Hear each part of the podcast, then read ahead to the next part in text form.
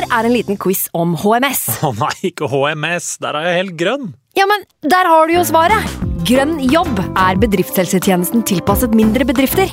Våre HMS-eksperter hjelper mer enn 8000 bedrifter over hele Norge med alt fra lovpålagte HMS-krav til pålegg fra Arbeidstilsynet. Få på plass bedriftshelsetjeneste på grønnjobb.no.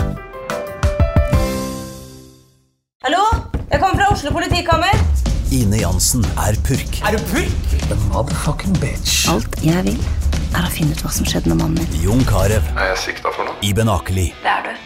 Ole So, Lars Berrum og Big Daddy Karsten. Hvem sin side er du på, egentlig? Anette Hoff, Tone Danielsen, Kommer du fra Afrika? Jørnis Josef, Nesten. Kløfta. Trond Espen Seim, Det er synd å si det, men det var feil mann som døde. Purk. Premiere tirsdag på TV2 Play. Har vi starte. Fantasyrådet. Hei, og velkommen til podcast med Fantasyrådet.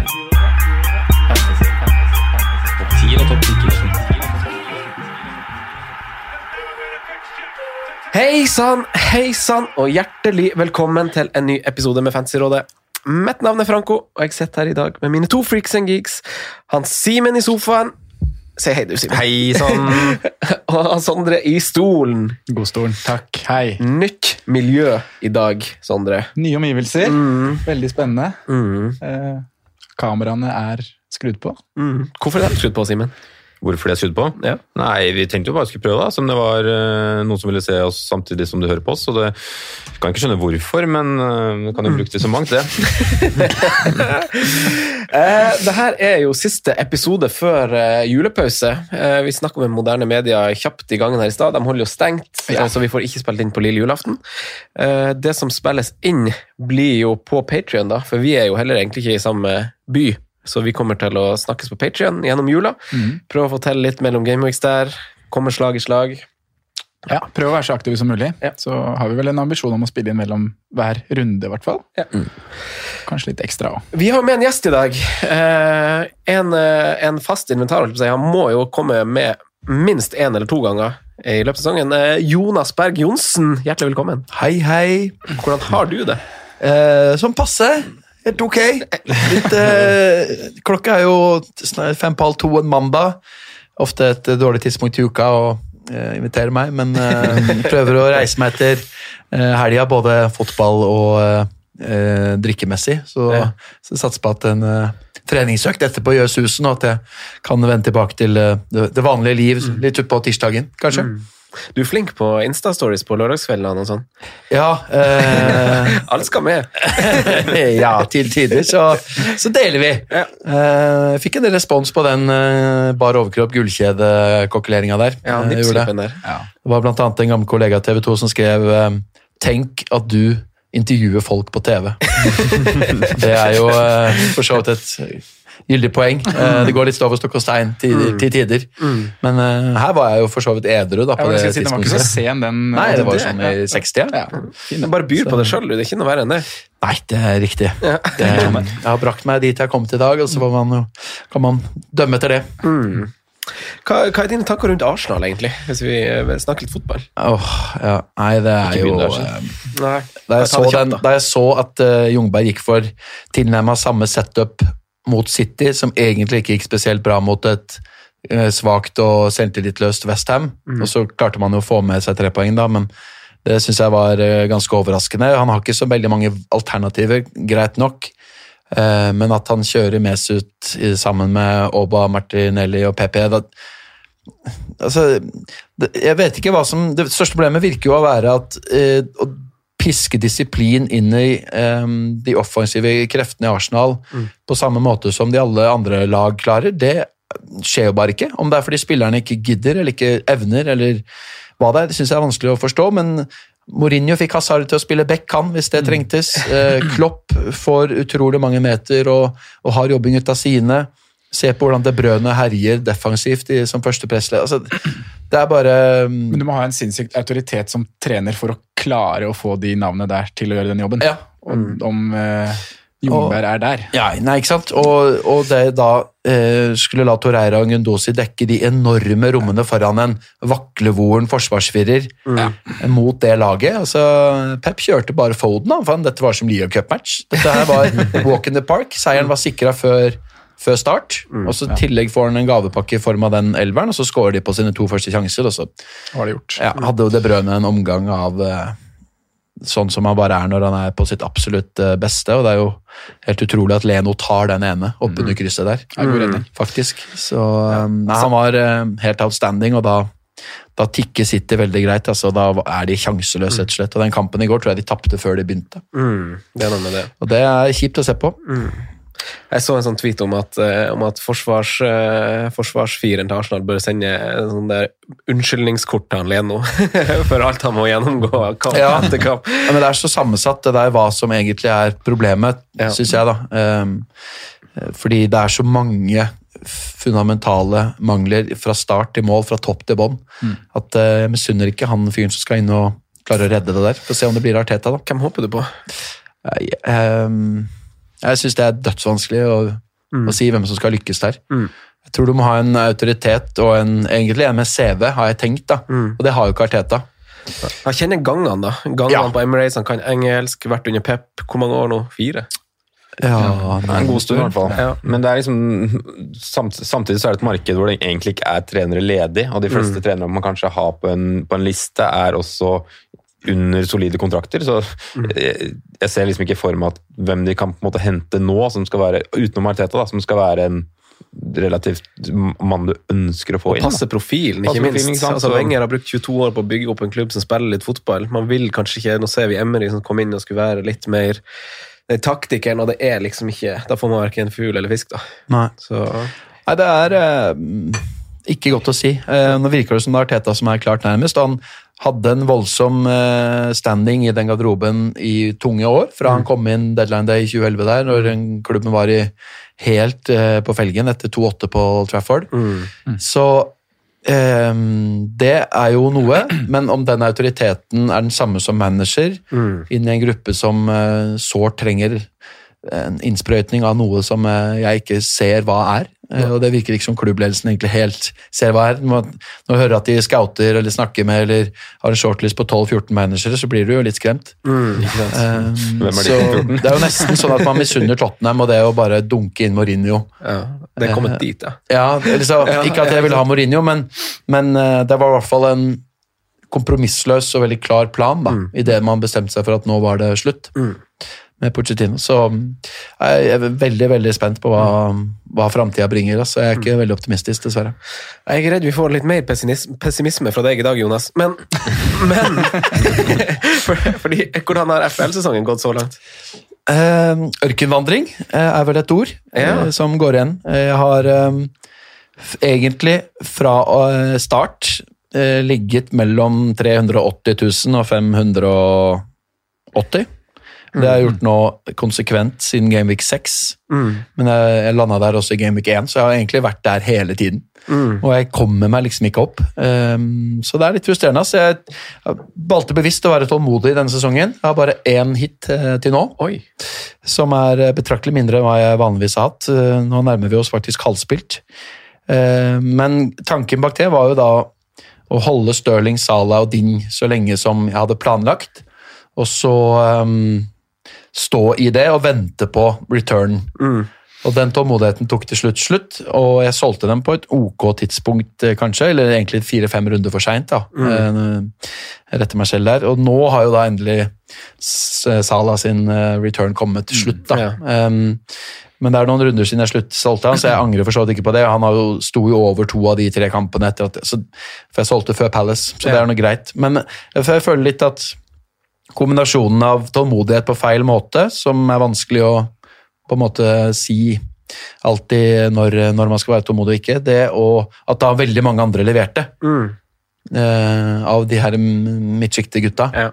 Og når jeg endelig tok litt grep og kom av den ballen og sånn, og har truffet ganske brukbart i siste runde, så har jo også alle de spillerne jeg ikke har hatt, truffet bra. Ja. Ikke sant? Madison har fortsatt å levere, mm. Rashford før jeg fikk han inn. Altså litt sånn som har gjort at selv om eh, rundeskåren begynte å bli brukbar, så var det har det vært mange som har levert bra nå i noen uker, som har gjort at jeg ikke har klatra noe særlig. da. Så det er- det er vrient, altså. Men, litt, eh, men jeg har liksom ikke mista motet. Jeg holder, holder det gående, men, men eh, jeg mangler den der eh, evnen til å tørre å gjøre sånn magefølelsegrep som bare treffer 100 da. Typ de som nå hadde Sala cappa han, og var heldige med at Vardy ikke fikk mer enn fem poeng, og da plutselig tar de 30 poeng på, på de fleste. da. Det er sånn, eh, Jeg mangler liksom den. Det er egentlig en sånn runde man har pekt seg ut for lenge siden også. at Denne runden her skal man cappe Liverpool, og så er det fordi at Vardy har vært i en sånn enorm skåringsrush nå. at Vi så det på pollen vår òg, som vi la ut på. Det er 70% som sannsynligvis skal cappe Vardy. Ja. Men ser du på, bare på features, så tenker du at det er, ok, det er klink Liverpool-kaptein. Mm. liksom. Så, Og det har det vært, sånn har det, Når du setter opp Excel-skjemaet ditt, så, så sitter du jo der med, med den, ikke sant? Ja. Men eh, Nei, det Så det det er hadde litt vært eh, annerledes for dere hvis dere var Sala dere eide i forkant av runden. nei, jeg vet ikke om jeg hadde turt, helt ærlig. altså. Jeg har tenkt litt på det nå i etterkant. Ja, Fordi jeg har Er- ikke så god erfaring med å cappe Mané. Nei, ikke sant? Det er noe med den Salah Mané-kapteins... Uh... Ja, det er merkelig, altså. Men eh, Jeg ville ha cappa Vardy uansett. Ja. Jeg tror jeg hadde gjort det sjøl, altså. Ja. må si det. Men, eh, litt fordi men, at frykten da spiller inn, ikke sant? Ja, da er det frykten, eierandel Ja. og hvor mange som men nå er jo også plutselig Salah oppe på like mange ligaskåringer som Sadio Mané, og det er ganske absurd å tenke på ut ifra den sesongen vi har hatt. da. Og det var ingen tvil ut ifra den kampen her heller, hvem som, selv om headinga som ble annullert da, med VAR-skåringa, den er fantastisk sterk, men det er jo Mohammed Salah som er den giftige, og i den gunstige posisjonen denne runden her. da. Det var en som la ut uh, at i de 14 kampene han har spilt i år, så har Salah sitt høyeste poengsnitt noensinne. Men da er det tre kamper han ikke har spilt, da. Ah, Men I de 14 av de 17 han har spilt, så har han høyere point per game enn i altså Han nærmer seg 300 poeng. Han fikk vel så vidt over 300, eller? I første sesongen. Ja Jeg husker faktisk ikke Han fikk poengsummen. men det eh. 303 fikk han. mm. Så han er litt bak det, da. Men han ligger an til å gå opp mot 300 poeng hvis han hadde spilt alle kampene. Perspektiv. Ja, faktisk. Perspektiv. Eh, Sondre, eh, runden eh, vi for så vidt er i eh, Du har, har jo en liten opptur. Ja, Hva har har du gjort inn mot runden? Jeg har en eh, veldig opptur, egentlig. Det har gått veldig bra. Jeg står på 70 poeng eh, så langt, og har Ja. Kelly, Kelly igjen i kveld. Så det kan jo bli litt mer. Og det gir meg da et hopp fra 230 000 til 160 000. Så det er første gang jeg er innenfor ja, høyere enn to- 200 000 i år. Oi, Så det er gøy. milepæl. Ja, og jeg er egentlig fornøyd med de vurderingene jeg gjorde. Jeg hadde jo en plan om å, en plan om å spare bytte og stå med to free transfer nå inne i Genvik 18.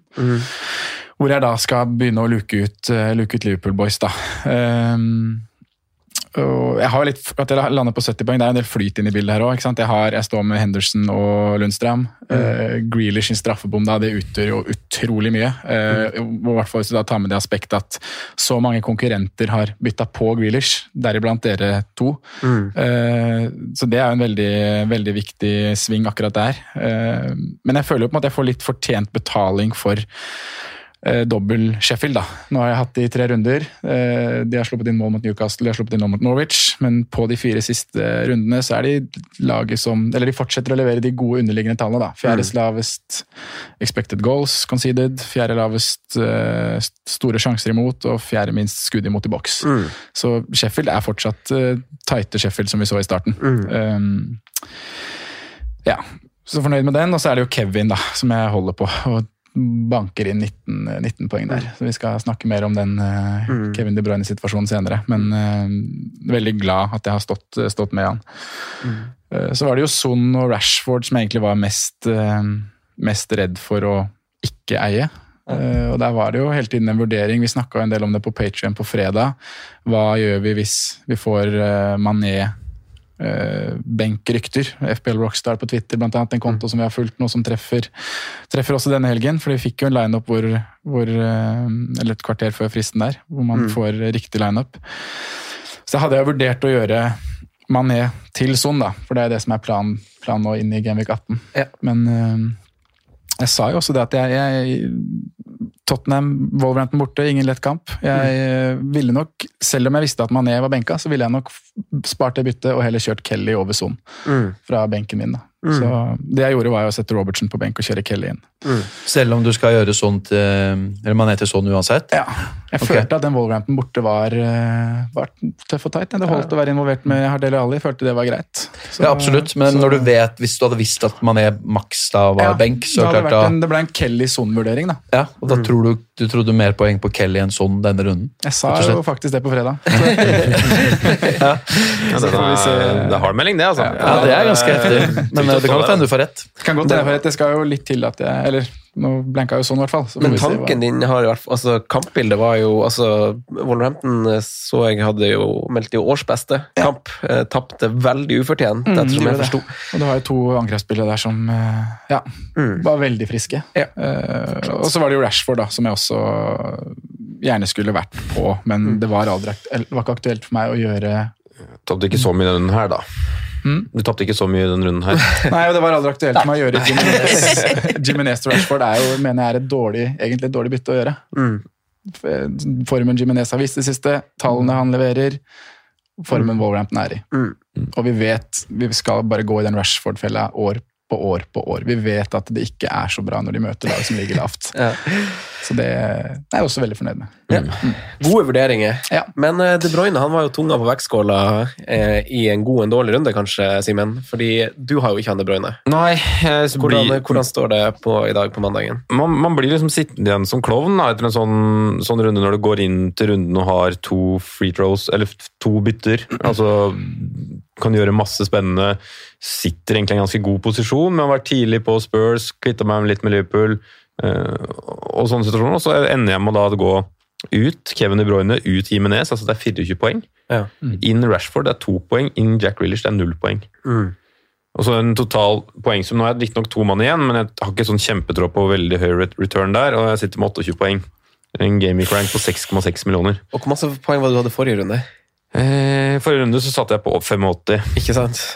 så det er jo Og under, under var det under 100 000 i Gaming Crank. Det er kontraster, altså. ja. Det er i det er jo også, det er jo også Matt Wheel, det her. Det er sånn det er. Ja, det er litt det. Berg-og-dal-bane. Ja, det er, altså, det, jeg føler meg litt som, som klovn, rett og slett. da. Etter øh, debuten der, og Jeg er på en måte enig i at, at Jim og sånn har sett bra ut, men så er det den picture-svingen at Rashford så jo enormt bra ut forrige runde. da. Og- Picture-sving, hva mener du? Eh, Wolverhampton, jeg syns ikke det, det programmet de på en måte går inn i, er så pent i forhold til de kampene de akkurat har hatt. Etter kampen de har nå, nei. Fordi Norwich er litt bedring. Tottenham var jo en tøff kamp på papir, og så har de City og Liverpool i jula. Var litt det jeg tenkte, da. Ja. Men de kan være gode mot de Nei, beste det er- lagene. Det er nettopp det jeg Ja, føler at vi har de kan- fått så gode, gode svar på. At er Wolverhampton gjør det bra også mot de lagene, Det- og Jimenez er involvert i mål. Det er på en måte greit at de er prisen gode mot de lagene, men jeg syns fortsatt ikke at de har skåret mye mål. Det har de ikke Nei. gjort egentlig i toppkamper. Så hvor mange mål av de Si at Jeg foreslår eller foreslår Jeg øh, forestilte meg at de skårer kanskje ett eller to mot de liksom, de gode lagene, men er det nødvendigvis at Jimenez er involvert i de, da? Ja, og den rekka med poengene de har nå, det er sånn type Jeg var jo aldri, klarte jo aldri å treffe Jim helt i fjor. Selv om jeg hadde han til tider i perioder hvor han gjorde det ok, så er det liksom så de her fempoengerne følte jeg fikk veldig mange av han. Og han skårer jo veldig sjelden mer enn ett eh, målpoeng i hver kamp. Jeg så å si aldri tosifra poengsummer. Det er Det liksom- én i så fall. Han, eh, ja, han har én eh, tosifra i år, og det var på Etiad. Ja. Ja. Så det er jo um, Det er ikke så lett. da er det 0 pluss 2, ja. ja. Det er spørsmålet, ok, han 5, 7, 9, det er litt sånn han får de der. Må man ha dem? Ja, ok, det blir jo en vurdering, da. Men jeg er helt enig i at uh, jeg, vi har blitt lokka inn i Rashford-fella Ja, ja, igjen, selvfølgelig. Ja, det, er, det er derfor vi Men det handler kanskje med litt om sånn frykt òg. Ja, for, ja, ha absolutt. han- for det er jo den jeg sitter med nå inn mot neste runde, når vi skal snakke om en blank game week hvor topplag møter hverandre og United skal til Watford. ja, og en del kan cappe han, Ikke sant? for eksempel. Så, Mm. Men det er jo, det er hodemissen her er jo å selge Kevin De Bruyne. Ja. Ja. Uh, og, og hvordan man på en måte har endt opp i det beslutninga det på en måte er greit, og er jo litt sånn Ja, det blir liksom bare sånn oppgitt følelse, da. Eh, og nå er det sånn Skal man liksom bare bite det surre eplet og bare dytte den inn igjen? du må ha en del penger i bank. Ja, jeg sitter jo med to Altså, jeg kan gjøre Madison Kevin. Jeg sitter med to seks i bank. Du kan gjøre Madison Kevin, ja. Og jeg har jo egentlig planen om å benke Madison i neste, så kan fort hende jeg gjør det, altså. Det brød Eh, sanker, apropos faktisk. apropos det, den eh, det, det brønner, Jonas. Runden for deg. Um, ikke så ille som um, Simen, heldigvis. Vi er jo, jeg har jo et sånt lag som ligner mer på det alle andre har. Jeg så at uh, i min tropp på 15, så er eh, 13 av de er de 15 mest valgte i topp 10 000. Så jeg ligger jo liksom og vaker med det samme laget. Det er bare det at uh, Da er det vanskelig å hente det inn igjen nå. Det er jo det. Ehm, uh, så jeg solgte De Brøne før uh, Manchester United-kampen. Satt også langt inne. Sitte med han og Stirling. Fikk med meg den lille Newcastle-oppturen. Og så var jo City veldig bra mot Burnley, men da var ikke han nødvendigvis den viktigste um, i den kampen. Så over tid så jeg tenkte ok, han koster over 10 mil, og har ni kamper nå hvor han egentlig har vært helt fint uh, uh, mm. Nei, han har vært uh, Hva heter det? Han har vært fin å ikke ha, egentlig, selv om han har stått der hele veien. Um, og, så så jeg tenkte ok, jeg kommer ikke til å cappe han med det første. Nå kan det tenkes at plutselig han er kjempekapteinsalternativ hjemme mot Leicester, da, fordi mm. man blir, man blir litt gira på det igjen. Men, eh, så jeg solgte han før, før, før forrige, denne gangen så gjorde, som en del av en plan da, med, med hvor Son og Ali har kommet inn, Pulisic har kommet inn og Rashford har kommet inn. Hvor, um, hvor Sterling, Mount, De Bruyne og Jim er de som har røket da, de siste to-tre rundene.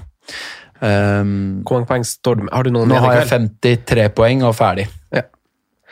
Så det er jo egentlig det er den De Brøne versus Son eller Ali som er den store poengdiffen, da, basically. Ja, for der er kanskje vi, vi skiller. Eh, fordi eh, jeg har 67 poeng. Eh, ingen spillere igjen. Eh, der er det jo De Bruyne som kanskje har vært det som skiller meg fra deg, da, Jonas. Jeg tok en minus fire, eh, og for å ta en liten sånn refleksjon på den her, så skjønte jeg kanskje når jeg planla mot runde 18 at det kommer til å kreve et hit før eller siden. Eh, og vi har snakka litt om det her eh, i høst, om det å male seg litt opp i et hjørne. At man, at man snakker om at man noen gang havner i en sånn uønska situasjon, og så tenker man ikke helt på hvorfor man faktisk havna der man gjorde. Og så kan man liksom gjenta den feilen. da. Og, og det jeg tenker på nå, er jo Antomori, som på en måte blir min feil. Og for mange så har det kanskje vært Greenwood, Otamendi, Lucas Mora. altså Du setter på spillere som er på lånt tid, Mm. og kanskje i en prisklasse som er ganske vanskelig å, og, skal bytte ut igjen. Du, for du må bytte dem ut på et tidspunkt, og det er jo i og for seg ganske dumt. Men jeg tror for ganske mange som f.eks. har sittet på Greenwood eller Otamendi, har endt opp med å måtte gjøre en minus fire i tillegg for å, å rydde opp i de greiene der. Og sånn er det litt for meg nå eh, med Antomori, og det er jo å havne i den der eh, Enten at du tar minus fire, eller at du må bruke et bytte på å bytte han ut som gjør at du liksom kommer i bakleksa på en Andre annen ting, spiller, ikke sant? Mm. for at det brenner veldig mye i den posisjonen. Så Mm. nå er jeg litt der at jeg skal prøve å ikke havne i en sånn posisjon, så jeg måtte liksom rydde litt opp. Uh, så jeg har jo en liten grønn pil med 67 minus 4. da. Jeg satt inn på en Jack Grealish foran Douglas Louise.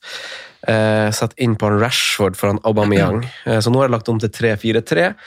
Eh, og tanken bak det er egentlig at at uh, jeg har et helt greit forsvar, men også jeg ser på den Gameweek 18-runden som er mer Det er veldig vanskelig å spå en clean sheet der, da, så jeg orker liksom ikke å prioritere et bytte bak, for jeg vet ikke helt hvor jeg, hvor jeg skal gå. Og jeg syns Grealish har vist så god form, uh, så Du har jo det i kombinasjon med at Lauten heller ikke er nødvendigvis så trygg, da. Nei, så du har, jo litt, eh, du har jo litt utfordring bak til Gameweek 18, ser jeg. Veldig. Han er jo i kulda, faktisk. For nå kom han Han var jo ute et par-tre kamper, fire kamper kanskje, og så kom han inn igjen mot Tottenham og spilte helt jævlig dårlig. Ut igjen nå. Så, så da er den jo Og da er jo vurderinga mi For nå, sånn som det ser ut, så har jeg bare to forsvarsspillere som kommer til å spille. Og det er Soyuncu og Lundstrøm. Og Sønnsjø er jo en som mange vil forsøksvis benke. Ja, denne. nettopp. Så da da er jo min vurdering snakka litt med Simen om det før eh, vi møtte opp med dere to, at jeg, kom, jeg, jeg har en plan om å bytte ut av Mané, jeg òg. Mm. Og, og da spiller jeg med ti spillere istedenfor å bytte ut han Tomori og satse på at han Cahill får seg en clean sheet, eller noe sånt. For fakta er jo at man altså Clean sheetene Ja, kommer jo sjeldnere. Gjør det for eh, minus fire altså, er ikke verdt det. Nei, Nei, ikke sant? nei, nei, det er så enkelt. Og se på den runden vi går inn i. Altså, Ja, ja, ja, ja. Du skal være flink altså, hvis du klarer å plukke ut hvilke lag som får clean sheet den runden der. Altså. Det er jo mange som er i den situasjonen og skal ha inn, meg inkludert, skal ha inn en billig forsvarsspiller Mm. for uh, Robertsen. Mm. og ja, Det er vanskelig å finne en som i det Da må du tenke litt lenger enn bare én kamp, Ja, ja, Det er det du må ja, gjøre. det Jeg syns det er vanskelig, det òg. For det er en Ja, del som har fikk Kelly og litt sånn. Jeg er involvert i Kelly, har dobbelt Sheffield, så jeg er nesten nærmest er å kjøre dobbelt Palace i. Bournemouth, Burnley, Brighton, Sheffield United, Newcastle Palace. Der kan man jo se for seg at det kan potensielt komme fire-fem clean sheets. Sånn, det kan det, det er de- men det kan også Ja. bli null. Ja, det er akkurat det. Man vet ikke, man Eh, vet ikke og det er helt umulig å spå. Altså, disse her clean sheeten til Rico er jo det mest uh, umulige å spå av alle. Ja, det, ja, det er et Ja, veldig godt eksempel. på salget der, og ikke bare, bare spilleren til hvert. Ja, for nå Han kommer er jo sånn, kjempeprogrammet til Bournemouth. Ja, og han er jo av en eller annen grunn så er jo han en skikkelig bonusnapper òg, når det først Mm. går veien der. Han har vel to sånne nå hvor han plutselig får tre bonus Mm. e- egentlig fra intet. Nei. Eh, ellers, benk, for å, for å snakke ferdig om runden min, så hadde jeg jo, jeg hadde jo Det er jo litt sånn rar runde, for jeg satte jo på en Grealish. Eh, og så har jeg Lundstrøm og Henderson i tillegg, så de møtte på en måte hverandre. Og jeg prøvde å regne litt på det, fordi han Grealish bommer jo på straffen, eh, som gjør at jeg på de tre, tre spillerne totalt får 17 poeng, for Henderson clean sheet, og Lundstrøm gjør det han Lundstrøm gjør. Eh, og, altså, jeg hadde fått mindre poeng hvis han Grealish hadde scora, faktisk. Da tror jeg, Hvis han hadde fått bonus, uh, clean sheeten rakner for Henderson og Lundstrøm, så tror jeg jeg hadde fått litt mindre. Men det, jeg hadde fått, kanskje fått mest hvis han eh, Henderson faktisk hadde redda. Ja. legger Og til så må du regne inn bonus der, Hvor mange og- har Grealish i forhold til hvor mange som har Ja, Lundstrøm det- det- det og eller Henderson. ja. Ja. Ja, aktuelle poeng eller poeng som faktisk hjelper deg. Ja, ikke sant, ikke sant. For meg så er det jo en enorm nedside når du ikke sitter med, med Sheffield og sitter med Grealish. Så det er veldig mange poeng tapt på f.eks. Sondre, da, som sitter med to, to Sheffield. Eh, Synsundersøkelse, da, boys. Eh, Simen og Sondre. Ja, Vi satt jo og snakka om en del aktuelle navn i stad, når vi satt bort på, på stamstedet vårt Sentralen. Eh, vi kan jo starte med han eh, som hvis du nevner sist her, som bommer på straffe. da, Jack Grealish. Fordi han har jo nok en match hvor han er veldig involvert. og En ting er at han bommer på straffespark, men han har i tillegg til det så har han jo en eh, stor head, eller sjanse på heading der, som fort også kunne blitt noe. Så mm, selv om han nå ender med null poeng og sånn, ikke blir skremt, på en måte, han er, eh, han er i bra form. Så er det en mann som er fin å dra med seg inn i jula med tanke på at uh, selvsagt kommer rotasjon i, rotasjon i lagene, men uh, hva er Aston Villa offensivt uten Jack Grealish, da? Altså, de, de kan jo ikke ta han ut. De kommer antageligvis nå til å spare han i, i morgen mot Liverpool, med tanke på at Liverpool kommer med det juniorlaget de kommer med, så får han fri der, og så skal han inn igjen og, og styre sjappa til helga. Og det kommer han til å gjøre i hele romjula, tror jeg. altså. Og de har jo det beste juleprogrammet av alle. Mm. Aston Villa. Og det, det er jo liksom å treffe litt med timing òg, for nå har de de to fineste kampene, Gameweek 18 og 19. Mm. Det er jo, altså, Aston Villa er jo faktisk det dårligste heimelaget heimelag- nei, bortelaget unnskyld, i hele Premier League. Den ligger i bunnen på bortetabellen. Så de to f- neste kampene her er jo kjempefine. Ja. Så hvis man treffer litt på timing. Har du flere på lista, Simen? Egentlig ikke, for det, har vært, det er sånn det er i desember. Det er litt sånn julebordsesong og, og sånne ting, så det, er ikke, det passer ikke alltid bra med firerundene sånn sett. Så jeg har egentlig sett relativt lite ball i helga, dessverre. Sondre, da har du noen flere navn? Vi har snakka litt. Ja, skal vi ta en hver, da? Hvis du, Skal jeg ta Wolverhampton-gutta, da? I og med at jeg er eh, involvert i Jiminez selv og har lyst til å snakke han litt opp eh, i dag, så er jo makkeren hans også veldig frisk, i Åta. 6,1. 6,1 og produserer sjanse på sjanse. og Hvis man ser Match of the Day, så ser man virkelig hvor involvert han mm. er. Og han er jo en sånn spiller som kommer inn i sånne flytperioder, da, hvor det ofte blir en del returns helg på helg. Mm. han kan, var på våren i fjor hvor han hadde en, eh, en sånn streak, så Ja, Wolverhampton de har jo et litt tøft program, da. Det er vel det som eh, på en måte kan eh, Ikke at det har noe å si, men City Litt å si. Litt å si har det, men jeg er jo der at de kan levere mot alle. Så Jota til 6-1 er spennende. Ja, jeg har også en kar, ja. Som, som, som sikkert vi kommer til, tilbake til, i hvert fall det laget. Men det er jo en del av Alli. Uh, han fikk jo ikke return nå, men det er jo litt de som er litt artig å ta på synsundersøkelsen, tenker jeg. Eh, For nå igjen så syns jeg jo han Son og han Kane, det kommer vi også litt tilbake til, ikke er helt der man kanskje ønsker å være. Og jeg har kanskje vært litt den der eh, Vær litt forsiktig. Se hvordan de har fått poengene sine. Det har vært litt sånn Det gjør ikke det der igjen i løpet av sesongen. Men eh, han Ali nå har jo den her chipen igjen at han Erik Dyer skyter i stolpen. Han har en køler rett utenfor krysset. som er, Han er jo i boks ikke sant, når innleggene kommer, så litt sånn uflaks for eier av Ali. Som ikke, Ja, som men ikke Son ganske Hadde en sånn off-dag. Ja, han hadde igjen, Ja. Syns jeg. Han var jo Hvem det var det? Var det mot United han var helt borte vekk også? Ja, det var det. Uh, har vi noe mer? Hva mer skal vi snakke om i dag, Sondre? Nei, vi får jo Nå er det jo eh, endelig den her eh, Gameweek 18, da. Så vi får drøfte Vi har fått en del spørsmål om Liverpool og blank og Ficture Swing, så vi får eh, snakke litt om det er tide om vi kan ofre de Liverpool-gutta vi sitter med. Eh, Kevin De Bruyne, straffa de som solgte, har levert meget gode underliggende tall og ikke minst sett veldig bra ut. Skal de som har kastet, nå hoppe på igjen? Ja. Det må vi snakke litt om. Og så skal vi lage en liten liste avslutningsvis med must-haves til Gamekatten og litt jokere til Gamekatten. Før vi tar en liten pause, så synes jeg det er greit at vi bare tar en sånn Magnus Carlsen-watch. Eh, Ja. Han leder i verden blant sju millioner spillere i, i, i skrivende stund, men han vippes noe av troen etter i kveld, for andreplassen ligger ett poeng bak og har Van Anholt og Ryan igjen, så den eh, førsteplassen har han ikke veldig lenge. Nei. Men det er jo litt sånn spennende å følge med på han, for han ligger jo så høyt så tidlig i sesongen.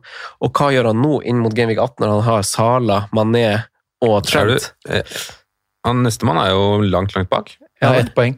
Ja. Det står total her. 11.59, 11.24. Du er på Eh, Norway, ja. du. Jeg er på Norway. Ja, ja, ja, ja. Han har eh, han Tanner, han har Ryan, Dunk og Kelly igjen. Ja, han har tre igjen, ja. Mm. ja. Nick Tanner, gamle Liverpool-spilleren. Antageligvis. Ja. Men ja, hva gjør han nå med Salah, Mané og Trent? Det blir spennende å se. Ja. Han har ikke tatt noen hits i år, Magnus, og vi håper han kommer, kan komme og forklare hvorfor en gang. Vi må bare prøve å få tak i han. Vanskelig fyr å få tak i. saken. Ja. Vi tar en liten pause, og så kommer vi tilbake til temaene du nevnte, Sondre. Yes.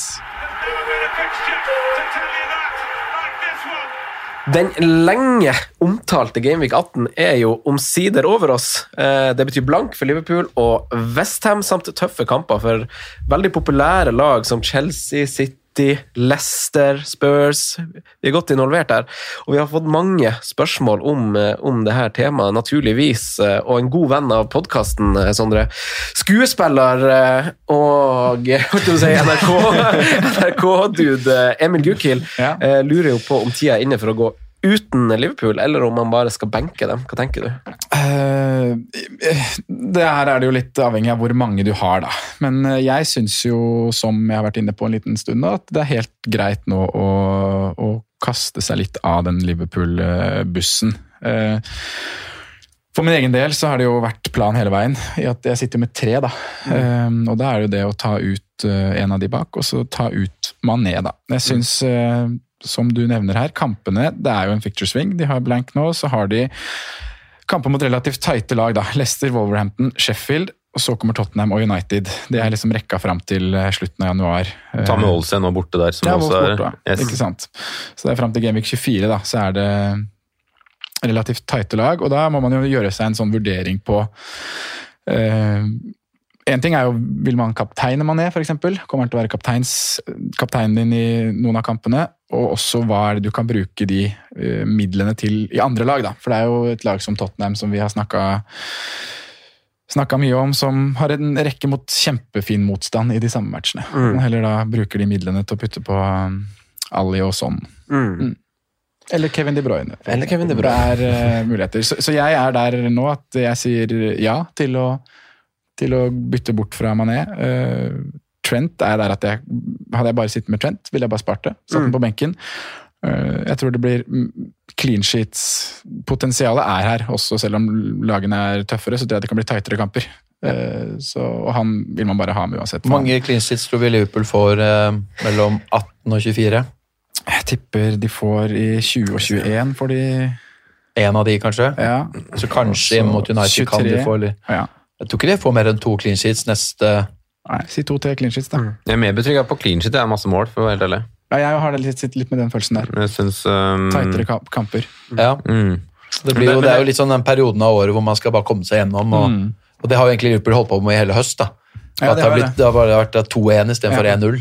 Um, men, Hva tenker du da, eh, Jonas, om, eh, om å ta Nei, ut altså- Liverpool-spillere og eh, jul med Liverpool? I hindsight så har jo Sondre spilt jævlig pent det der med at han dumpa Salah før den perioden hvor han ikke skulle være kaptein uansett, og da turte jo ikke jeg å selge han fordi det alltid har bitt meg så i, i skinka, men eh, jeg, jeg la meg jo egentlig friste litt av det samme nå. Eh, for meg så eh, har Pulisic spilt sin siste kamp, og det betyr at da er spørsmålet om jeg dumper Mané og får inn De Brøne og Grealish, eller om jeg kjører De Brøne for Pulisic og, og eh, tar Trent mot f.eks. Target, for da er jeg 4,4 å bruke bak.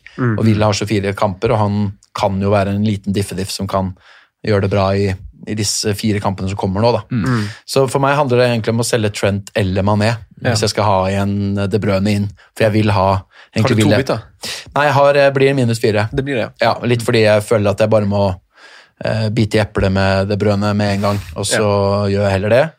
Eh, Og da er spørsmålet om det er eh, Mané eller eh, eh, Trent som ryker. Eh, men jeg vil jo egentlig også ha inn Jeg har sett på en variant hvor jeg får inn Graylish og De Brøne. Og, og dumper Rashford med en gang og setter inn Martinelli. ja, ja. Og da, for da er det Cantwell som ryker. Da får jeg en midtbane med Mané, De Brøne, Son, Ali og Graylish. Det er jo den beste midtbanen for Gameweek 18. i hvert fall, Den er som ganske hissig. Eh, og så kjører jeg da Abraham og Wardy på topp. Mm. Eventuelt, eh, hvis Chelsea fortsetter å se dårlig ut, kan jeg gjøre Abraham til Jimenez eller noe Mm. sånt på sikt, men Ja. at jeg bare kaster det jeg egentlig allerede, akkurat har gjort, da, med, med Rashford uh, ut igjen og De Bruyne inn. Så er det noen, jeg må bestemme meg litt der. Jeg syns um, jeg liker ikke å selge Mané, egentlig. Nei. Jeg gjør ikke det, altså. Eh, men eh, det er som du hvor masse penger skal man ha for Han skal ikke å- cappes nå på en stund, samtidig som romjula er jo litt sånn I 2021 der, Wolves hjemme, Sheffield Jo, United vi, må, men vi må huske også når Klopp har gjort det to ganger i romjula nå, og sendt ett lag av ene kampen, og så sendt et helt annet lag, eh, enten da for andre januarskampen eller den andre kampen. Så han har rullert samtlige spillere, så å si, bortsett fra Van Dijk, i, også i jula. Nå har han jo da fått liksom De gutta han setter inn og leverer jo. Ja, Og- det er altså det. Han får svar fra Origi, han får svar på Shakiri, han får svar fra Keita. Ja. Ox, altså, Da er det liksom ikke, Terskelen blir bare mindre for å gjøre det igjen. da. Ja, han gjør det, altså. Også da når man ser på Tottenham, som har Norwich og Southampton og Brighton da, i de tre matchene der. Mm. Men jeg sitter med Sono Ali, og ingen av de selger jeg nå. Nei, nei, så det er noe når greit. du sitter med det, så er det jo veldig fint. ja. Enn Hvis dere hadde kjøpt Mané for 11,5, hadde dere solgt han da? Han er Altså, nå på 12,3. Jeg, jeg, jeg støtter Sondre sitt, ut, eh, sitt utsagn egentlig ganske godt. Der, For det, jeg støtter å kaste meg av Liverpool, altså av to mann, av tre mann. Men jeg støtter ikke å kaste alle. Så sitter du med én, så chill med han, da. Med mindre du absolutt skal ha penga fra Mané. Da er det liksom en annen case. Men jeg kommer ikke til å kaste Trent nå, for det er den eneste jeg har igjen. Han kommer jeg til å bare få en kamp på benken, og så er det greit, og så får han spille igjen. Så handler det liksom bare om hva du skal ha inn sjøl. Og da må du bite i røpet om du kaster Mané til, eh, kjøper Mané til 11,5 eller om du har kjøpt den til 12 blank. altså. Hva jeg tenker vil du ikke- Nei, sorry. Jeg ville ikke kasta Mané bare for å kaste Mané fordi han er en blank og en tøff. Det er liksom, har du sånn, har du Ali eh, Det er liksom noen prioriteringer her. Da. Du har en prioritert liste på spillere du vil gjøre det for. Ja, men hadde du gjort det for altså, ok, Hadde dere gjort det for å få på Son? Hadde dere tatt ut Ja, Mané for å ja, få på Son? Hadde dere tatt ut Mané for å få på De Bruyne? Ja. Ja, jeg tror fort vekk det, ja. Er det de eneste to dere ville tatt av Mané ut for denne runden? Ali. For Ali òg? Ja. Selv om du har Son, altså? Ja. Dere, da? Ja, jeg tror jeg støtter det over jula. altså. Ja, jeg sitter jo akkurat i det dilemmaet, da. Mm. Eh, så um, Og der er det egentlig mer frykten for å gjøre feil som, som er det som gnager mest, da. Fordi jeg er ganske sikker på at um, eh, altså, Nummer én i verden er Magnus Carlsen, sitter jo med Mané og Sala nå. Som du sa, Det blir spennende å se hva han gjør, men jeg tipper at du, du får se en eh, Salah-cap med 30 poeng i romjula fra, fra godeste Carlsen. Men det her er jo et annet poeng, da. Altså, for oss som sitter med Mané, og så har kanskje Salah sett litt mer eh, seg sjøl ut. Er det her kanskje en fin mulighet til å liksom ta ut av Mané og så vurdere igjen hvem som faktisk er det beste valget ut av de i neste periode? Det er et godt poeng. Mm. At Salah tror- plutselig da er over Mané igjen. Når vi kommer til Gameweek 22-23. Ja. 24. Ja. Ja, Mm. For eksempel. Ja. Det er jo veldig interessant øh, å se den tydelige formasjonsendringen Liverpool gjør i helga, med Ja. 4-2-3 og en Salah som spydspiss. Mm. Eh, Så er det jo Mané en, kall det en halv centimeter unna en scoring, han også, så det er ikke mye som skiller, liksom. Men Men bare det at Salah er, har har utgangsposisjon helt øverst, det, det var vel det han var i fjor, da han hadde den streaken sin fra Bournemouth. Ja, I hvert fall. Bournemouth-kampen, så Ja. spilte de en sånn øh, 4-2-3-1-variant. Så Mm. Hva tenker dere om, da, om muligheten til å Altså, Vi vet jo hvem som kanskje blir litt populære spillere, både som kaptein og spillere inn. og Det blir jo Rashford, det blir Son og de her. Men Hva tenker dere om muligheten til å, å, å, å sette på f.eks. Grealish, da, eh, for å da få midler til å oppgradere på topp? Hvis man står med Connolly Greenwood, eller en eller annen spiss man vil kvitte seg med da, for å få inn Rashford, eller en spiss som kan spille i Hva tenker dere om man det? heter Grealish og Bare har masse penger i bank. Ja, eller Gå oppgradere opp da, og legge om til 3-4-3 for de som For fortsatt har en billig ja. Jeg Jeg syns det er helt Eller- greit eller, ja. å gjøre. Gjør det. Ja. Og Graylish ser jo nesten uh, must have ut i den perioden. Han har vært veldig frisk en stund. Uflaks eh, mot eh, Sheffield United. Med, de, med de kampene og de minuttene så syns jeg han ser Men han tar jo straffa, da. Det er blant de som jo- er mest uunnværlige. Altså. Det er jo positivt, det òg. At han, Ja, det er han som stepper opp. Det Ja. er vel Wesley som egentlig tar straffer. Han, tar, ja, Han vel han ble vel han bytta ut. Ja, og ble bytta ut. Han var vel ikke på banen. Det var vel Kodja som var på banen når Kodija. Kodija, ja. Der skal man ikke se bort fra. Som uh, var på banen når de fikk straffen. Men uh, han får da få sjansen. Det er jo positivt sånn sett. Mm. Ja, han kan fort få den på nytt, tenker jeg òg. Bestemmer det litt selv, han. Ja, ja. Noe ja, Han styrer dette, han. Han styrer det. Jeg er jo helt enig, og så er det jo den timinga, da. Mm. med, de, med de lagene han eh, møter, som jo er Slipper inn masse mål. Jeg tror vel eh, Norwich er vel kanskje det som har sluppet inn mest på bortebanen. Nei, Nei, det nei, nei, det er litt usikker på. Det er litt usikker på. De har sluppet inn Watford kanskje, siden de slapp inn åtte mot eh, Villa. City. Norwich, ja, Villa er dårligst bortelag. Norwich har sluppet inn mest på heimebane. Sånn Norwich har 15 mål borte, de. Baklengs. Så det er flere som ligger i sjiktet der. inn. Men jeg er jo uten Grealish, og er på en måte ikke, min plan innebærer ikke å få han inn med de to gratisbyttene jeg har. Så her blir det spørsmål om det er verdt å gjøre en minus fire i tillegg for å få For å ha han Grealish gjennom jula, liksom. Ja, for å få han gjennom jula. det blir jo igjen en, en sånn, sånn du, du håper ikke bare på én runde, at han skal Nei, nei, nettopp, det er noe med programmet som er så fint over lengre tid, da, og den uh, sikkerheten for spilletid der. Så det, Formen, ikke minst. ja, det mm. Kanskje det vi får av Carlsen, en Salah til Grealish? Kanskje det. Det er jo veldig naturlig. Sparer man ned, Salah til Grealish. Eh, han eh, Boje eh, Han har stilt oss et spørsmål, eh, gutta. Eh, altså, De Bruyne han leverte jo en god kamp også forrige runde mot eh, United uten å få poeng. Eh, denne gangen ga han kanskje tilbake til oss, litt trofaste og, og tålmodige. Eh, men Jonas, det her vet jeg jo er et litt sånn betent tema for deg, men også veldig aktuelt. Eh, hva sier du til, til Boje og De Bruyne? Du, du røpa kanskje litt i stad? Ja, at jeg vurderer å bite det sure eplet, egentlig. da. Jeg, Mm. jeg gjør jo det. Um, det er for så vidt ikke noe krise å skulle gjøre det, og heller bare inn, innrømme en feil. Mm. Jeg har ikke tapt noe verdi. Jeg kjøpte den for 10-1, solgte for 10-2, nå koster den 10-2. Mm. Så det er noe greit nok. Eh, det er bare at jeg, Grunnen til at jeg valgte å selge, var jo at jeg ikke så for meg at jeg kom til å cappe han. Han har jo aldri vært den klassiske kapteinstypen. Mm. Og med programmet til City så har jeg heller ikke sett for meg at jeg kommer til å, til å ha det som uh, aktuelt tema, og da er det begrenset hvor mye man kan bli straffa, tenkte jeg. Eh, det var det jo tydeligvis ikke. Uh, så um, det, det er litt frustrerende, fordi jeg hadde jo også en sånn liten hunch på um, Harry Kane som julemann, og det at det brødene da plutselig gjør sånn igjen, det gjør jo at det, begynner det er flere veldig interessante typer som, um, som dukker opp som, eh, som aktuelle. Altså, så, eh, det, det blir nok en eh, Det kan fort bli en minus fire mm.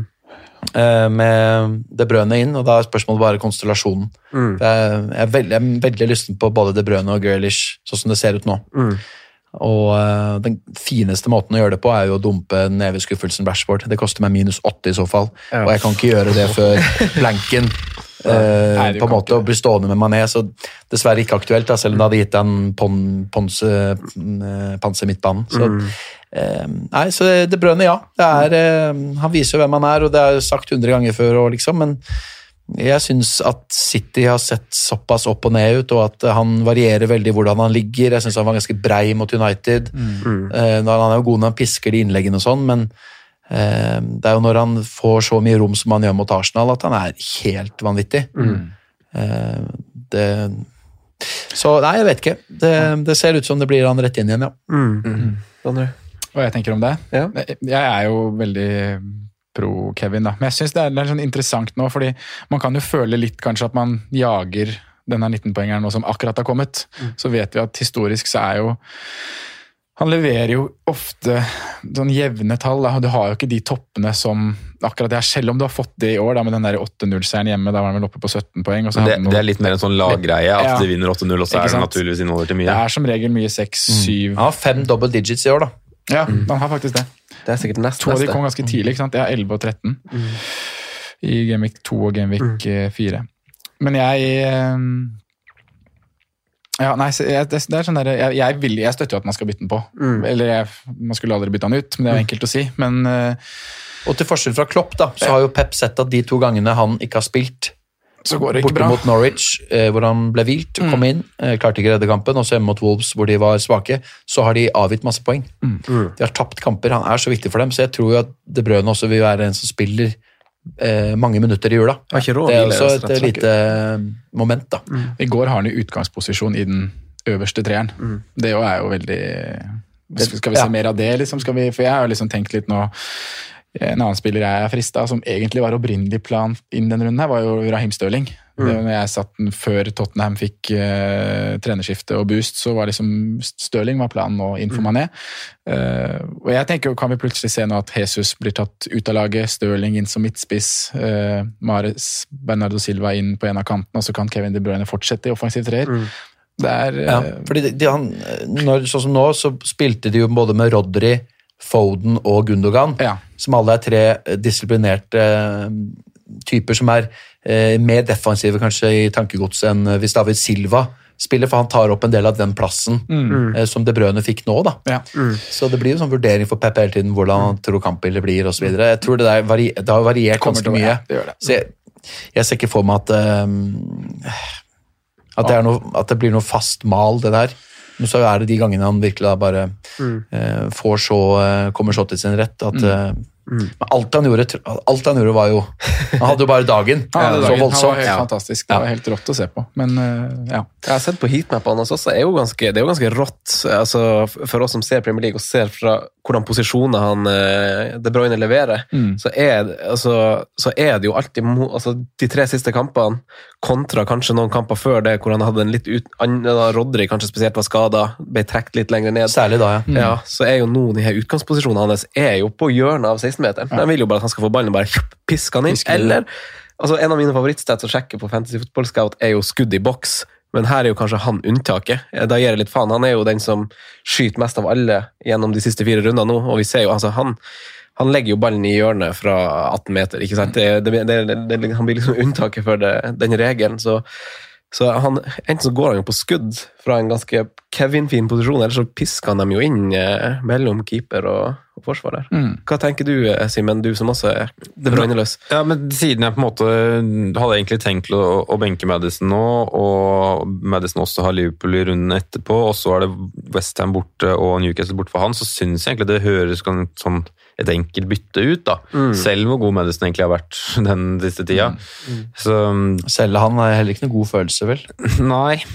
Jeg sa jo det når jeg solgte Kevin og Jim også, at jeg har ikke noen god følelse. Da traff jeg jo med den. Så. Men nei, jeg tror nok jeg blir med Jonas på å bite i det sure eplet. Altså. Ja. Hvor surt skal det være? Men Du har sittet på Madison lenge, og han har jo faktisk vært en eh, stabil bidragsyter for deg, Simen. Ja da, han har hatt en timing eh, på ting. fin run, han altså. Jeg er veldig glad i Madison. jeg. Jeg var 0-1 unna Pulisic Madison da jeg gjorde den planen min. Ja. Eh, og da, gikk jeg, da var det den tankegangen Madison er litt for dyp osv. Men fy fader, ass. Og tenk om du hadde hatt en donker istedenfor Cantwell! Da kunne du ha gjort det. ja, det kunne jeg. Så kunne jeg kanskje tatt den donker 11 poeng på banen nå en gang.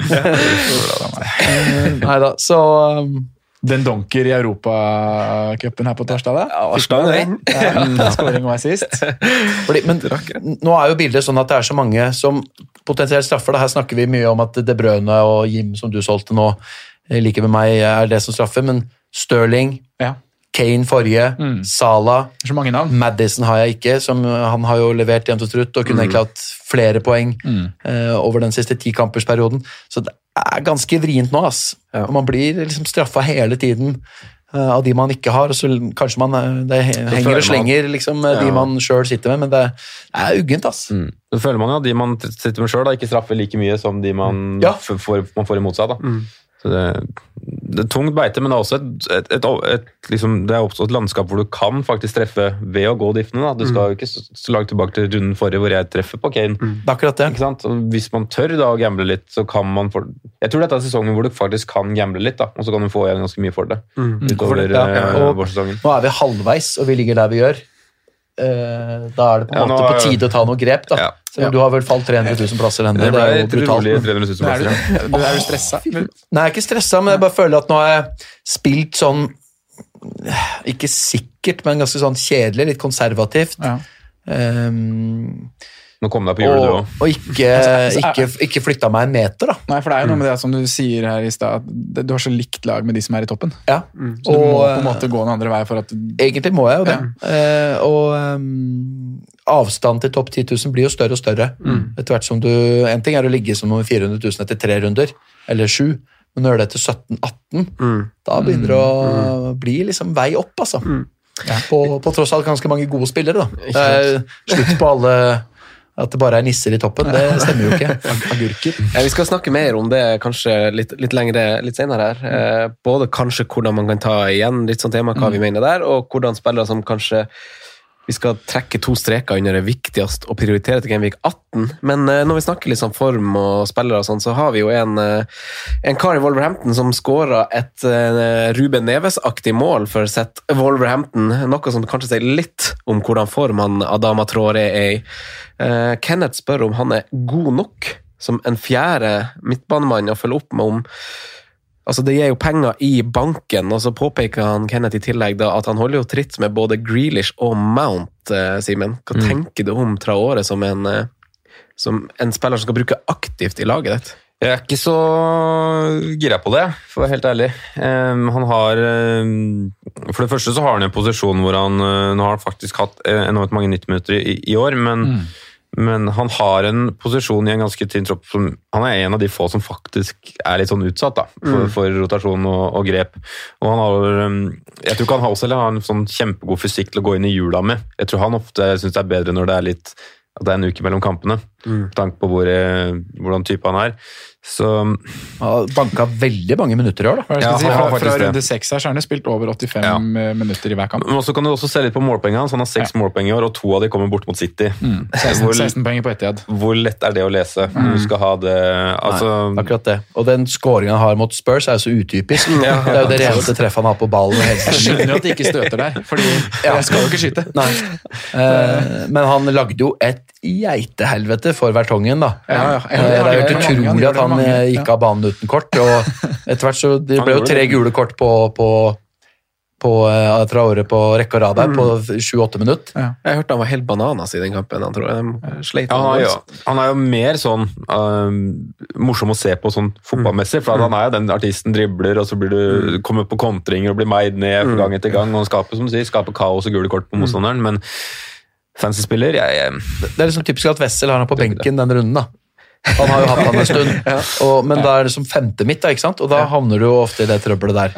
Ja, for den er jo jeg litt imot at du skal altså, da synes, altså, det er jo bare Jeg liker ikke å benke så masse midler, da. Nei, Altså, nei, det, men i det siste så har jo, ikke sant, med så mange som får nullminutter innimellom Ja. og inn i jula, så kan man jo tenke at man skal ha at man kan ta seg råd til en sånn femte midt, da. Eh, over Cantwell, for eksempel. Men, så, det er, men det er helt bingo Ja. når, eh, når de poengene skulle komme, da. Så jeg, jeg syns den er Det er akkurat det. For sammenlignet med, med f.eks. Grealish, som han Kenneth eh, sammenligner med her, så handler det jo igjen som vi har litt om, litt perspektiv, som jo er viktig å ha med i bildet når man gjør sånne vurderinger. Og han Traore han har jo knapt nok møtt gode lag siden Game Week 8. Han har ikke det. Det er jo liksom Arsenal og Tottenham så bare rør. Mens eh, han Grealish har jo Han har vært to kamper ute, og så har han møtt Liverpool, Chelsea, United, City og Leicester som fem kamper av de siste åtte. Ja. Uh, så, De har hatt knalltøft program, Uh, et viktig perspektiv. Ja. eh, Ja. Ja, men de har Sheffield United det United blir, som det blir glemt når man sammenligner poeng, da. Og, Ja. og, og at det 16 av poengene hans kommer på Etiad. Men det kan også være litt sånn at man, man overtenker litt, og at nå kommer det lettere program, da kommer det i hvert fall til å bli poeng. Altså, det kan hende at Grealish er en spiller som faktisk trives med tøffe og teite oppgjør og være underdog og få plass og Krysser fingra for det. litt sånn, litt sånne ting. da. Så det er sånn, Men Villa kunne ikke hatt tøffere program de siste åtte, Nei, den kunne ikke det det. kunne ikke. faktisk. Kjempeseigt. Og, da har han Og han har vært i kjempeform. Ja, han har det. Og det har vært nære mer. Det er, man må jo se litt på det òg. Mm. Ja, det er jo nettopp det. Vi snakker litt mer om Gameweek 18, jeg, tenker jeg. Ja, eh, var du klar for det? Sondre? Vil du ha en replikk som Nei, vi kan ta det i Ja, ja, vi 18-praten. det. for for eh, Kjetil Løying er jo blant flere som spør uh, hvem som prioriteres inn. Så vi kan jo ta en liten sånn runde på det, og liksom hvorfor og hvem og Skal vi fylle på kaffekoppen først, eller? Ja, vi kan gjøre det. Ja.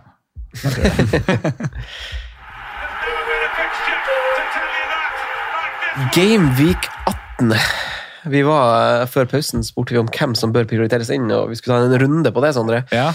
Skal vi bare starte med deg, så kan du Som du løser ofte veldig bra. Jeg gir deg en litt sånn åpen oppgave. ja, takk. Jeg er glad i det. Ja. Glad i det. Rom for tolkning. Hva sa du? Jeg sa ikke du at du var glad i meg? jeg valgte å vinke. Jeg valgte å høre det. Jeg er det. Mm. Ja. Prioritert liste, da. Ta det. Hvem eh, Rett på sak. Ja. Noen åpenbare musts er det jo, og det er jo sånne spillere som kanskje veldig mange har. Uh, Gameweek 18 er jo en, en runde hvor det Jeg tror det kommer til å være ganske stor spredning i hvor kapteinen lander.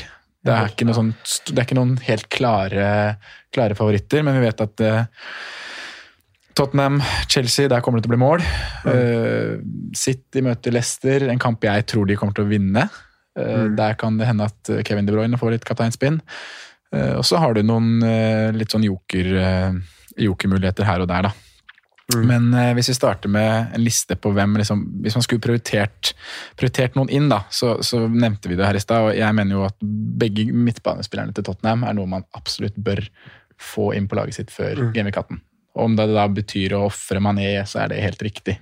Mm. Eh, Så Son er jo for meg øverst på den lista, selv om han nå hadde en, eh, en relativt eh, beskjeden forestilling bort mot Wolverhampton. Så tror jeg at en ja, hjemmekamp mot et annet London-lag Han trives i de kampene, og han har gjort syke ting mot Chelsea, Chelsea tidligere, han. Mm. Det husker vi. Så jeg tror, jeg mener at det liksom er den viktigste spilleren å få på plass før Game 18. Mm. Eh, ja. Jeg, så, apropos, Jeg apropos, støtter det. apropos det med kaptein, så så jeg min favorittkonto på Twitter med FBL-relatert content. Han Adam Hopcroft han hadde en po tidlig poll Ja. på kaptein eh, med, med Rashford, Son Ja, for og de han gutta. nevnte ikke jeg Rashford, er også Ja, og der, der er det fem eller sånn I går da jeg sjekka, tror jeg det var, eller så det i morges, jeg husker ikke helt, men da var det 5000 stemmer der så langt, og da leder jo Rashford pollen. Men det er jo, det er jo, så, det er jo en så jevn Vi er der, vi. Men det er jo en så jevn poll, så mitt spørsmål er jo altså, Prioriterer man inn, eh, Simen, de her spillerne som, som du ser blir veldig populære valg for å dekke eh, dekke liksom den eventuelle nedsida? Jeg gjorde Det det ikke til runden som var, da. Så jeg kan jo ikke si at altså Jeg kommer ikke til å kaste Rashford, jeg, da. Eh, nå, nå kommer jeg bare til å stå i det og, og satse på at jeg på, måtte få return på han over Abraham, som måtte være mitt, mitt dilemma akkurat der. da. Ja. Bare satse på at Rashford vinner den duellen over jula, rett og slett. Og det tror jeg fortsatt han gjør. Mm. Um, Men ja, så Men det er alltid den derre Alltid en sånn vanskelig balansegang om du skal eh, bli med mengden, bare gjør det. Uh, det var jo den hele tida med meg med Pukki i starten. Skal, skal jeg bare bli med mengden? Så bare sånn Nei, jeg har ikke troa. Eh, Her er posisjonen, posisjonen din inne i bildet. da. Og det Ja. er en veldig fin måte å ta de her Hvis man ligger som jeg om nå, litt langt bak, og mengden gjør det, så det er meg- sånn man kan gjøre annerledes valg. For meg så er det veldig gunstig da, at det åpner seg opp en runde hvor det kommer til å bli veldig stor spredning i kaptein. Da. Eh, For det er på en måte en måte å, å byste litt tilbake. Ja. Og komme seg opp eh, Potensielt, ja. Ja, er det potensielt det. komme seg opp på stigen igjen. Eller så kan det bli veldig smell. sånn som du Jo, men det, det, hvis man skal se en vei framover altså jeg, Hvis du ser fra nå av sesongen ut, da, så er det samme for meg om jeg ender på 459 000 plass, eller om jeg ender 2,5 million. Ja. Det bruker meg en Nei. skitt. Eh, Jeg skal opp, si. eller, opp eller ned, på en måte. Opp eller ingenting. Ja. Ja. Hvor tidlig er det greit å begynne å liksom såkalt gamble? Du Ja, kjører jo en litt annen stil Jeg, enn ja, det eh, gjør jeg nok, men jeg, altså, jeg skal ikke gamble noe mer enn det jeg har gjort, men liksom fortsette å holde litt på de jeg har troa på, da, selv om jeg er enig i at jeg kommer nok til å kaste meg tilbake på Kevin. Det kommer jeg til å si at jeg gjorde en feil, men um, Så det, er- Men men alltid, en- er balansegang er alltid vanskelig, syns jeg. Ja. Men Kevin nå er vel kanskje en som vi kan konkludere med at han er vel Kanskje ikke en must i Game Week 18, men Jeg syns faen meg han er viktigst å prioritere inn i. ja, over Son. Ja, altså nå, nå, nå skal jeg være høres litt mer bestemt eller bastant ut enn hva, hva jeg egentlig Det er. er så fint at du sier det. Ja, for, det, er jo en mulig brannfakkel. Er ikke du vil ikke si brannfakkel? Nei, Nei, det har du ikke lyst til. Det er jo åpenbart eh, motstrøms, føler jeg. Fordi jeg, jeg, for, for sånn føler jeg er viktig å få på Altså, jeg, jeg tror han kan skåre veldig bra mot eh, Chelsea, men hovedsakelig viktigst for å dekke, syns jeg. Eh, jeg så på heatmappa hans under Mourinho. Han er en veldig tydelig vingrolle. Heatmappet hans er liksom der Mount sitt har vært når han har vært indreløper i Chelsea. Og veldig lite i målskårerposisjoner. Men på, annen, på den andre sida så har han veldig gode sånn skapende stats. Ja. Veldig kreative stats. Eh, og han koster ti millioner, så der er jeg litt sånn Jeg syns han er dødsviktig å få på, men hadde det ikke vært for at han er så populær og sånn stor snakkis, så hadde jeg ikke vært så stressa over det. Om dere skjønner. Men jeg, eh, jeg, jeg, jeg syns liksom ikke han har sett eh, nei, jeg- Hjemme mot Burnley var han jo helt on fire og kunne ha dratt med seg mye mer. Ja da, men så ser du målene han skårer fra egen halvdel. Mm. Assisten han får der, er i pasning på 40 meter. Eh, så det er jo, Jo da, ja. Hvis man ser litt bak ting. Men jeg tror jo som sagt at Chelsea er et kampbilde som kan, kan passe han ganske bra. Det det jeg. Og så da Eh, når du har rekka som kommer etter med Brighton, Norwich, Southampton. Ja, men, så um, bare være involvert der nå. Ja, jeg tenker Ja. at det er viktig å dekke sånn i tilfelle, men jeg er ikke liksom Hvis man ut, tar vekk det soloraid og sånn, så har ikke han sett ut som en timillionspiller eh, på FPL, syns jeg. Hvis man kan si det sånn. Ja, Er du enig, Jonas? Ja, altså da mot, uh, mot Tottenham og Bournemouth så syns jeg jo egentlig det. Og så var han, han har vært voldsomt av i disse to kampene mot United og Wolves borte. Mm. Eh, litt uklart for meg egentlig hva Det må vi finne litt ut av på sikt, hva, hvordan Mourinho uh, vil stable Tottenham osv. Fordi han har jo ofte vært jækla frisk og uggen for motstanderen å forholde seg til i, de, eh, i nettopp disse, denne type bortekamper hvor de får litt rom osv. Men han har både hatt stein i skoa, kanskje han uh, ble tvunget til å dekke ganske defensivt mot Wolves, fordi de hadde Traoré på den kanten og måtte, måtte hjelpe han en del. Um, Kampplan og arbeidsoppgave, på en måte, det vet jo ikke vi. ja, nei, det kan godt tenkes at Ja. sånn eh, ikke vil være på sikt så spennende under Mourinho, men samtidig syns jeg jo den Westham og Bournemouth-kampene, eh, to lag som riktignok er veldig helt vidåpne i perioder, da, eh, at han virkelig viser seg, og Burnley, når de er, er dårlige, så er de jo så dårlige at eh, derfor, da klarer de jo ikke å demme opp noen ting. Så han, han har jo vært god i de kampene der, da, og nå har de jo eh, en del kamper framover mot motstand som, eh, som er svakere enn Tottenham, da, klart på papiret også. Så eh, jeg syns sånn er eh, det er- Det er fortsatt noe tryggere med å cappe Son enn Ali, for eksempel. Ja, jeg er enig i det. Jeg er enig i det også. Enig i det. Så det men eh, tja, det, nå sitter jeg med dobbelt Tottenham, da, og hver gang de da gjør det dårlig, så blir det jo ekstra irriterende. Det, er samme, det er jo Tottenham United som er de to lagene jeg liker minst her i verden. Og, og ha spillere fra dem når de ikke leverer, er jo eh, dobbelt surt. Ja, ikke sant? Mm. Hva tenker du om de andre Tottenham-spillerne, da? Ali og Kane, da, som vi kanskje ikke har vært eh, så mye inne på så langt? Jeg, eh, sånn som i forrige runde, ikke sant? sitter man der, og så, så tør Simen å cappe Kane. Og da vet man at eh, du får 32 poeng som ingen andre har. Null av de poengene, liksom. Og, Ja, det. men jeg syns samtidig at jeg ikke ser nok av han. Altså, han fortsatt er ganske dyp, og at eh, både Ali og Son er klart over på min liste. men men, eh, og Aurier. Så Kane er på en måte fjerdevalget mitt av Tottenham. da. Så jeg er nærmere å for eksempel gå Trent til Aurier for å hente penger der, enn jeg er for å dumpe en av de framme. Men det handler jo også litt om konkurranse og, eh, og pris, da. Ja, ikke sant? Fordi det er såpass mange spisser som er bra, og som leverer bedre eh, underliggende tall enn Kane. eh, Ja, det er på en måte det beste motargumentet. At det er spisser som er billigere som faktisk leverer like mange mål. Men Ja. så ser du på, på den annen side, altså Kane like mange skåringer som Sadio Mané og Mohamed Salah i år. Ja. Hvor kom de fra? Ja, det, ikke sant? Ikke Det er, og det er det som det er gjentagende med disse store. da. At de får jo måla sine, de får poengene sine, men allikevel er jo Kane eh, 50 poeng bak Vardy. Ja. Selv om han har skåra ganske mye mål. Han er jo eh, Nå er Vardy den eneste som har skåret klart mer òg. Ja da, han er 30 poeng bak Mané, da. Mer, mer, Mm. han, er, eh, han er 30 poeng bak Mané, over 20 poeng bak Salah, han er 30 poeng bak De Brønne. Så selv om han har skåra mye mål, så mm, har han faktisk ikke fått så mye poeng. Du som eier, da, Simen, vi snakka om det også på kafé i stad, at det er jo litt vanskelig å spå når den Nier-Kane dukker opp. Vi har jo Sondre, du cappa jo f.eks. mot Newcastle tidligere i høst, Ja. og så man vet liksom ikke helt når, altså det, hva, hva kan man stole på han? Altså Du nå i kan, 18, hva- hva- man kan jo ikke det nå. men, men tør du å cappe han i Gameweek 18, f.eks.? Han står med min akkurat nå. Ja. Han gjør det, og han øh, Men er det litt for at du er i differland, fordi du Ja, ligger der du ligger, eller føler du oppriktig at det kanskje er det beste? Jeg føler jeg har tre alternativer da, egentlig til, til neste runde, før jeg har gjort bytte. i hvert fall. Mm. Uh, og Det er egentlig Kane, og så er det han vi akkurat nevnte i sånn, og så er det Marcus Rashford. Mm. Uh, Rashford skrev vel egentlig seg av den muligheten i helga, føler jeg. Eh, Og Watford var ikke så verst mot Liverpool. Watford var gode, syns Ja. jeg. Ganske Så jeg tror ikke den er så fin som papiret. Defensivt de siste matchene Nei. heller. Altså. Uh, nei. Nei, det, det. jeg synes jo ikke ja, De brenner jo et par halvsjanser. ja, Liverpool. Ja. Du har en Dokoré der som kunne Ismail Azar. Ismail Azar, ja. fire-fem enorme målsjanser. Men det er jo like med Liverpool som er off, da, syns jeg, da, enn Watford som faktisk er på. Men jeg er enig i at Watford har et par, par hakk opp i, i å ligge i ramma. At Det Watford har fått så lite poeng og skåra så lite mål, er helt ubegripelig for meg. Og de har jo vært da ganske decent mot eh, OK motstand i perioder. da. Selvfølgelig, De har ryket 8-0 på ett, og sånn, men de hamra jo over Arsenal. Ja. Men de har liksom en sånn tropp som du når man- du ser det første sesongen, så er det sånn Det kan bli veldig bra, det er en veldig interessant tropp, men så har du også en tropp som Det er ikke, det er ikke dritoverraska fordi det kollapser. Nei, absolutt ikke. Fordi det er så mye rart der, på en måte. Men, men jeg tror at uh, de, kan, eh, de kan ha en A- på-dag med ny manager Pearson sånn, sånn, mot Manchester United. De har tatt poeng på uh, White Hart Lane, de har spilt uavgjort mot holdt null mot Sheffield United, som er et godt lag denne sesongen, det vet vi. Altså, så de har vært ganske decent mot egentlig de kampene jeg har sett. da. Og så har de jo bare vært helt forferdelige sikkert, i ganske mange andre, hvor, hvor eh, de er helt uforklarlig dårlige.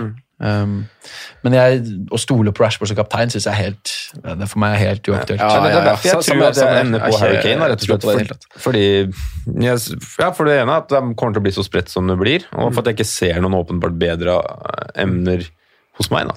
Sondre, du har jo jeg vet jo at du, er, du har to bytter. Så du har gjort ganske masse riktig som kommer inn i en blankrunde med to bytter. Eh, jeg vet jo at Kane har stått på lista di over kandidater. Ja. Eh, Eh, ikke- hvordan, hvordan tar du stilling til det nå? Nei, Han har vært eh, egentlig en liten sånn skissert, skissert plan nå inn i Gameweek 19. har det vært. For nå Ja. gjøres det to bytter nå, og så sitter jeg en del, med en del penger i bank, og så kan jeg da ta ut en av spissene ved siden av Vardy, da. Mest sannsynlig Tammy Abraham, eh, og gjøre han til Kane. Um, men det var på en måte en liten audition i går. eh, og det, er på en måte litt veivalg for meg nå, for jeg skal ha inn en forsvarsspiller for Robertsen. Uh, sliter veldig med å finne den billigforsvareren jeg har lyst på, som vi snakket om her i stad. Uh, og der er en, egentlig en veldig enkel vei å gå, er uh, Aurier. Eh, men gjør jeg det byttet, så låser jeg meg, og da har jeg på en måte bestemt meg at da blir det ikke Kane, for da sitter jeg med full kvote fra, fra Tottenham. Så um, jeg må, må tygge litt på den der, men det vi så fra Kane i går, tilsier jo ikke at jeg egentlig burde bruke 11 millioner på det. Eh, jeg sitter her nå og ser på tall fra de siste seks rundene, hvor Harry Kane da har han er altså så langt bak, eh, og det her nevnte jo du i forrige episode, han er så langt bak eh, spillere som Vardy, Jiminez, eh, Rashford, Abraham da, på de underliggende tallene. Han har ni skudd i boks, sammenligner det med Vardy som har 22, Jiminez har 20, eh, Rashford Yota ligger på 16, Abraham har, har 14. Eh, og, ja, og ja, vi vet liksom aldri når er han nier, og når er han ja, liksom, Hvilken Kane får vi da, i de ulike kampene? Og jeg hadde ikke turt å kapteine han. Så da sier vel egentlig det litt hvor jeg lander. egentlig. Det er den julehistorien med Kane som er litt sånn Ja, for jeg, Du har jo lyst på den ikke sant, når du skal ha Norwich borte der i Gameweek eh, 20. Et, Det er de bortekampene man egentlig bare skal cappe han. vet. Ja, var det i Mot også. svak motstand. Det jo Det var det i fjor òg, altså. Så, men eh, Samtidig har han jo to double digits i år, og begge er vel hjemme. mm. Gameweek 1 og nå eh, mot, Tottenham eh, hadde vel ikke vunnet på bortebane før den første kampen til Mourinho mot Westham. Nei. Nei, det hadde ikke det var Nei, for det er noe med det Tottenham har vært i år, har vært noe helt annet enn det vi Men eh, Så han er, vi er jo fortsatt på musts og hvem som skal prioriteres inn til Genvik 18. Det er vi. Ja, og der er ikke Kane for meg.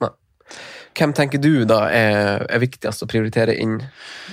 Nei, nå, Det er jo de midtbanespillerne. ja. Uh, og så har jeg jo egentlig jeg har jo skrevet opp her at jeg, jeg kommer til å ha det veldig vondt hvis ikke jeg sitter på Marcus Rashford. Mm. Eh, og Jeg snakker liksom litt mot meg selv ved å si det, men det handler jo da mest om eierandel og kapteinsemnet han er. da. Mm. For han kommer til å bli eh, ganske heavy kaptein. da. Mm. Så har man en enkel vei til uh, Rashford, Uh, Abraham ut, Rashford inn, f.eks., ville jeg kanskje gjort det. Ja. Eh, Hvis man da sitter med det man har, Mm. trenger fra Tottenham og, og sånne ting. Ja. Hva, tenker, hva tenker du, Jonas? Er vi- Du, har du vurderer å bytte den ut igjen, liksom. Så det er jo, det er jo veldig ja. Ja, men det er bare fordi at eh, jeg aldri har fått et eneste poeng på Rashford hele mitt liv. Um, så um, Nei, jeg, eh, jeg kommer nok til å stå med Rashford nå i de neste I hvert fall til og med antageligvis han har vært på Emirates. Emirates. Mm. Fordi det, der kommer han, det er sånn perfekt match. Det er typisk nå at man blir utålmodig, svak mot Potford, Newcastle murer igjen. Kanskje Burnley har en sånn god hjemmekamp, så får han tre blanks. da, Så selger man før Arsenal er borte, hvor han skårer to og har en assist. Det er vel oppskriften, tenker jeg. Det høres sånn ut. Nei, jeg tipper at eh, så, så lenge jeg har han i laget, så skuffer, eh, skuffer både han og United. Så mm, da holder jeg han enn så lenge, jeg. For å deppe, deppe United. Um, Hvem anser du som viktig å prioritere inn, da? Skal vi lage litt av topp tre-lista nå på stående fot? Liksom, Ja. Hver? Er det noen av dere som er klar, klar med en gang og, og kan bare si en topp tre? Sånn, der. Ja, Alison. Ja, Simen. Sånn Kevin Grealish. Sånn Kevin Grealish. Det rekker rekkefølge. Det er Tre midtbaneroller. Ja. Ja. Kjør. Mm. Ja, det, det er jo Graylish og De Bruyne jeg sitter og vurderer å få inn. Og det er bare måten jeg skal gjøre det på, som det står på, egentlig. Så ja. Ja. Nå skal jeg, skal jeg dra fram uh, en spiller som uh, sikkert er en litt brannfakkel for noen, da, i og med at folk driver og bytter den ut. Men uh, Raúl Jimenez møter Norwich. Så jeg tenker utelukkende Gameweek 18. Eh, han møter da Norwich på bortebane, som da har sluppet inn hvis jeg sa vi det i stad, Hjemme så har de sluppet inn 20 mål. Kun Southampton har sluppet inn mer, og Ja. de hadde jo den åttepoengskrellen mot City, så hvorvidt man kan Siste, man, sant, Nei, sorry. Sorry. Seks rundene, uh, Raúl Jimenez, fem store sjanser skapt, 15 sjanser skapt. Han har 20 skudd i boks, nest mest. Han har 25 skudd totalt, og han har 50 touch i Nei, jo, 50 touch i Jeg ville aldri 16. gjort Jimenez til Rashford nå, f.eks. Altså, enig, enig. Virkelig ikke, ass. Enig. Han syns jeg Ja. Men vi klarte det, vi. Det var, det, var- det var oppfølgerspørsmålet mitt. Altså, altså Bytter man Raúl til Rashford? For der har jeg på en måte også Da gjør jeg heller, som jeg nevnte, da tar jeg heller Tammy ut, da. Ja. Man prioriterer heller å Men jeg syns Rashford så så vanvittig heit ut mot City at det, det var egentlig ganske enkelt. Jeg synes det var enkelt å gjøre det forrige lørdag. Jeg gjorde, Fordi jeg måtte gjøre det med en gang hvis jeg skulle ha sjanse mot pris. eh, gardere seg mot massene osv. osv. Og og han så jo har jo sett veldig bra ut i flere kamper. Det var ikke bare den sånn en enkel for jeg, jeg var klar over den eh, potensielle faren ved at han skulle slite nå som United igjen skulle møte svakere lag og styrekamper, og det ligger der. Det er helt greit, men, men han, har sett så, han har vært i sitt livsform i de siste par ukene før det. Så um, Ja da, jeg, Det jeg syns ikke det var så ille. og Wolves Tottenham trodde, jeg trodde ikke Wolves kom til å være så bra mot Spurs. var helt ærlig. Um, det var også litt overraskende for meg. Men um, ja, absolutt. Så når, men når du ser på hvordan Norwich har sett ut De har 0-1-5 vel, siste seks hjemmekampene til den ganske gode starten. Det virker jo som det er uh, noen årtier siden de slo City. har de funnet tilbake en liten boost nå etter Ja. uavgjort på, på King Power? Ja da, og uh, de var jo eh, best mot Arsenal også i den kampen, så de har vært liksom litt bedre, kanskje. Men samtidig tapte de på St. Mary's og tapte jo hjemme mot Sheffield United. så eh, At eh, Jim kan få til noe der, særlig når Hota ser såpass frisk ut og Traore er et uromenn, så mye å dekke opp for dem. da. Og Det er fordel for Jimenez at de er bedre. Fordi jeg syns Wolves har sett så blodfattige ut i, gjennom store deler av høsten, og det har jo vært mye av problemet at de rundt Wolves nei, har ikke vært så bra. da. Docherty eh, og Johnny har ikke fungert så bra på kant, wingbackene. De har gjort, litt justeringer, selvfølgelig kampprogram osv. med Europaligaen, men uh, nå ser jo Håta ut som han er tilbake i den vårformen igjen, og det, er- det er så fordel for Jimenez. Joker-lista, da. Hvis vi setter opp Ja, en, har eh, på, jo- på jokerlista. Ja. Men vil du fortsette på den topp tre, eller? Uh, nei, jeg har vel egentlig sagt de to Tottenham midtbane og også Jim, da. Og så er Rashford der i tillegg. Ja. Så det er jo på en måte Ja. Men uh, en annen, et annet argument for å hente inn Jim er jo at han driver og synker i pris. Uh, og Det betyr jo da at folk kvitter seg med ham. Mm. Uh, noe som igjen da betyr at han blir jo på en måte en slags diff. da. Ja. Og da i et landskap hvor man har veldig like lag og mange ja, man må gå andre veier for å hente, så tror jeg han Mange har gjort den swapen dere har gjort. da. Og, ja. Jeg tror faktisk at jeg anser han De Bruyne som den spilleren som tikker alle boksene, for meg. Altså, jeg tror City tar Leicester helt greit, faktisk. Eh, og bare sånn som han ser ut akkurat nå, han har statsene, han ser bra ut på banen. Eh, jeg tror bare jeg tror bare det er Ja, fint. Eneste han ikke Og så har jeg- stikker, altså, er den der sånn- opplagte kapteinsvalget. ja, sant? Det er akkurat det. Men jeg, eh, jeg føler nesten at jeg må hadde- vurdere det som jeg gjør. Flest double digits uansett, så da bør han jo egentlig være i den uh, Vi satt jo og snakka om det ganske tidlig i år. Er det, skal man kapteine De Bruyne i år? Men Son og Rashford blir jo veldig populære spillere inn og som cap, så de må jo kanskje være på ei sånn liste hvis man har en veldig naturlig spiller å bytte ut for eh, Rashford. da. Eh, føler jeg, da. Men eh, det er litt tricky. Skal vi, skal vi snakke litt om luringa, da? Altså, Simen, du, du nevnte jo en luring på din eh, topp tre, faktisk, av, eh, av viktige. Uh, Grealish har jeg på, har jeg på, på luringlista mi. Ja, jeg syns han har pratet om såpass mye i det siste at på en måte om han er en luring ennå, liksom Ja. Mm. Men jeg skjønner poenget ditt. Men øhm, en luring for meg er litt av hvordan han ser ut i kveld, men uh, Wilfred Saha Ja. Nei! På, uff. Jeg har fortsatt litt troa der, jeg. Altså. Nei, fytti katta. Det er så Når du ser på hva alternativene i den prisklassen er, så er det Ja, men jeg, så, jeg, jeg, jeg satt og tenkte litt sånn nå, Hvis du man går gjennom jula, så er det av, av offensive spillere Ja, Grealish er også en som tikker den boksen, men det er ikke mange andre offensive spillere som ikke kommer til å bli rullert da, i respektive lag. Og nest beste programmet da, bak Villa. Det er jo to til lag på, på som spiller, To til spillere som spiller i kveld, jeg føler kan være litt jokere. og Det er jo både Maupai og Trossard, da. Ja. Eh, Som har tre heimekamper i jula. Tross alt tror jeg ikke jeg tør å, å tenke på ennå. Nei, på grunn av litt rotasjonsfare. Ja. luringer i hele år, de. Hvis man tør. Hvis man tør. Vent og se. vent og se. Det er, kommer ingen vei. Går rundt 35. Vent og se. Men Saha har altså spilt 90 minutter i alle kampene i år og står med 52 poeng. Ja. Hadde en krise. Er så dårlig, det. Ja, det er jo det laget som Krysesesong. eh, scorer To minst mål, to mål, to assist, tre bonus. Hva, hva, hva er det som gjør at han er aktuell i det? Jeg skjønner ikke Han, det det han passer ikke i testen, han gjør ingenting. Det er jo det at han er ferdig med alle topp sju-lagene. Ja, men nå er det jo halvveis i sesongen. Alle har jo nesten møtt alle nå. Ja, men han, ja, han har møtt alle de gode, bare. Ja. Så han har jo Ja, veldig ja, lang nesten strekk da. med fine kamper, og så vet man at han kommer til å spille 90 minutter i Ja da. I den tøffe perioden, så greit. Det er Da, veldig de sikre, er veldig voldsom sikre topoengere, Jonas. ja, Men han, han, er er ikke, han er ikke jula. en donker. Nei. Men ja, nei. Skal jeg kaste ut en joker? Ja. Ja. eh, Jeg nevnte jo Yota, så han har vi på en måte tatt. Mm. Uh, Jota. Charlison. ja, han er godt skrevet. Har du det? Ja. Eh, prisen er jo litt Det er litt vanskelig terreng, da. 7-8 som prismessig. Men uh, Arsenal og Burnley i de to neste kampene, begge hjemme, så er det to tøffe bortekamper etter det. da, Newcastle og City. Men så kommer Brighton, Westham, Newcastle, Watford. Så eh, Ja. Ny manager, eller det ser jo det er en sånn liten boost der. Everton nå.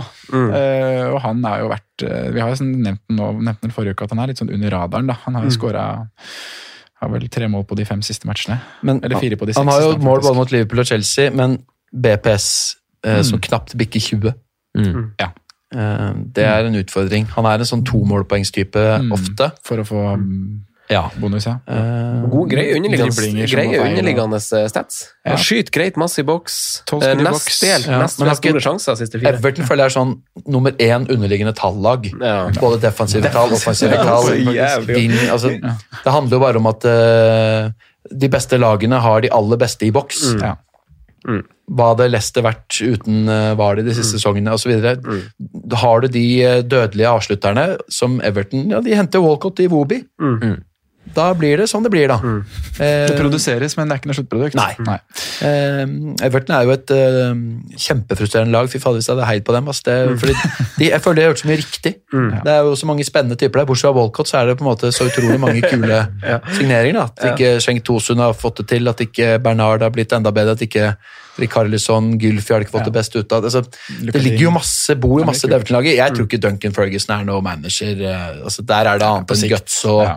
Litt sånn struktur. Vært heldig nå med å eh, dra til Old Trafford, føler jeg egentlig er et sånn bra sted. Eh, klarer å eh, lage en ganske sånn tett ramme med 4-4-2.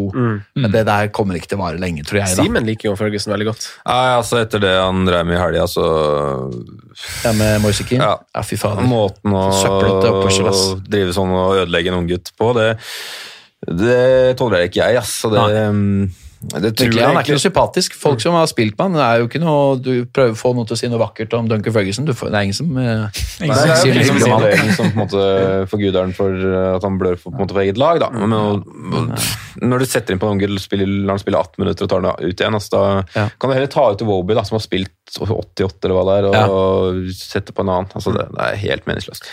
Eh, vi hopper videre, tror jeg. Eh, vi snakker masse. Eh. Gaute Auseth han er jo en formidabel FPL-er. Eh, han har inntrykk av at flere stamper jo i samme situasjon som vi kanskje har beskrevet litt igjennom her. Eh, fastlåst en plass mellom 100 000 og 1 million. Har et ganske likt lag med alle de foran seg. Eh, hvordan diffespillere tilbyr Jonas den gylne middelvei risk reward nå fremover. Han er vel kanskje en sånn type, egentlig. Rikarlison. Ja. Eh, som er en, Når du ser at de har de to fine hjemmekampene der, og kan jo fint få til noe på Goodison, nei, på St. James, Everton. Altså, Ja, kan det det. Så, eh, problemet er at jeg har eh, slitt med å identifisere de diffene som har fått oppsvingen like etterpå. Jeg trodde det var smart å hente Pulisic etter et par blanks hvor han så egentlig etter mitt skjønn god ut, og så har de bare blitt etterfulgt av eh, dårligere spill og blanks. Um, og Rikarlison, kanskje, ja. Jeg syns eh, altså, Hvor eid er Graylish, for eksempel? Men, Ja, ja, jeg, jeg har nei, ikke det- noen sånne opplagte jeg, jeg sliter i det sjiktet han gjør, da. Ja, men Det er jo det, kanskje det det handler litt om. Altså, Ikke det å tenke så sabla annerledes, men prøve å komme litt i forkant. Sånn som Vi fikk jo sånn en boost da vi var på Jamie Vardy, kanskje en kamp før ganske mange andre. Og Nå kan man jo kanskje prøve å være litt i forkant. Altså, Grealish er jo kanskje fortsatt litt i forkant. Nå får Bournemouth og Fraser og King Ja, et fint Grealish har program. ikke høy andel, faktisk. Altså. Maupai, det er jo mange som har et litt fint program nå. egentlig som, Bare prøv å være liksom på framfoten og ikke se hva alle de andre gjør, men se på hvem som har et fint kampprogram. Men så skal du jo se en god form i laget òg. Ja, ellers så kan du jo prøve, da, hvis, det er, um, hvis du ikke er så negativ til Liverpool som oss, da, å være tidlig på Sala etter blanken, f.eks. Så det er det også en mann som Ja, fort kan det. være den spilleren som har mest poeng ut året. Ikke sant? Det er, noe med det, det er nesten en diff å drive og holde på Mané Sala nå. ja, altså, Jeg tror, Ja, ja. Ja, se på Magnus Carlsen. ja. Å ha Salah og Mané i 2021 kan fort være helt konge, det. Mot Wolves og Sheffield United hjemme.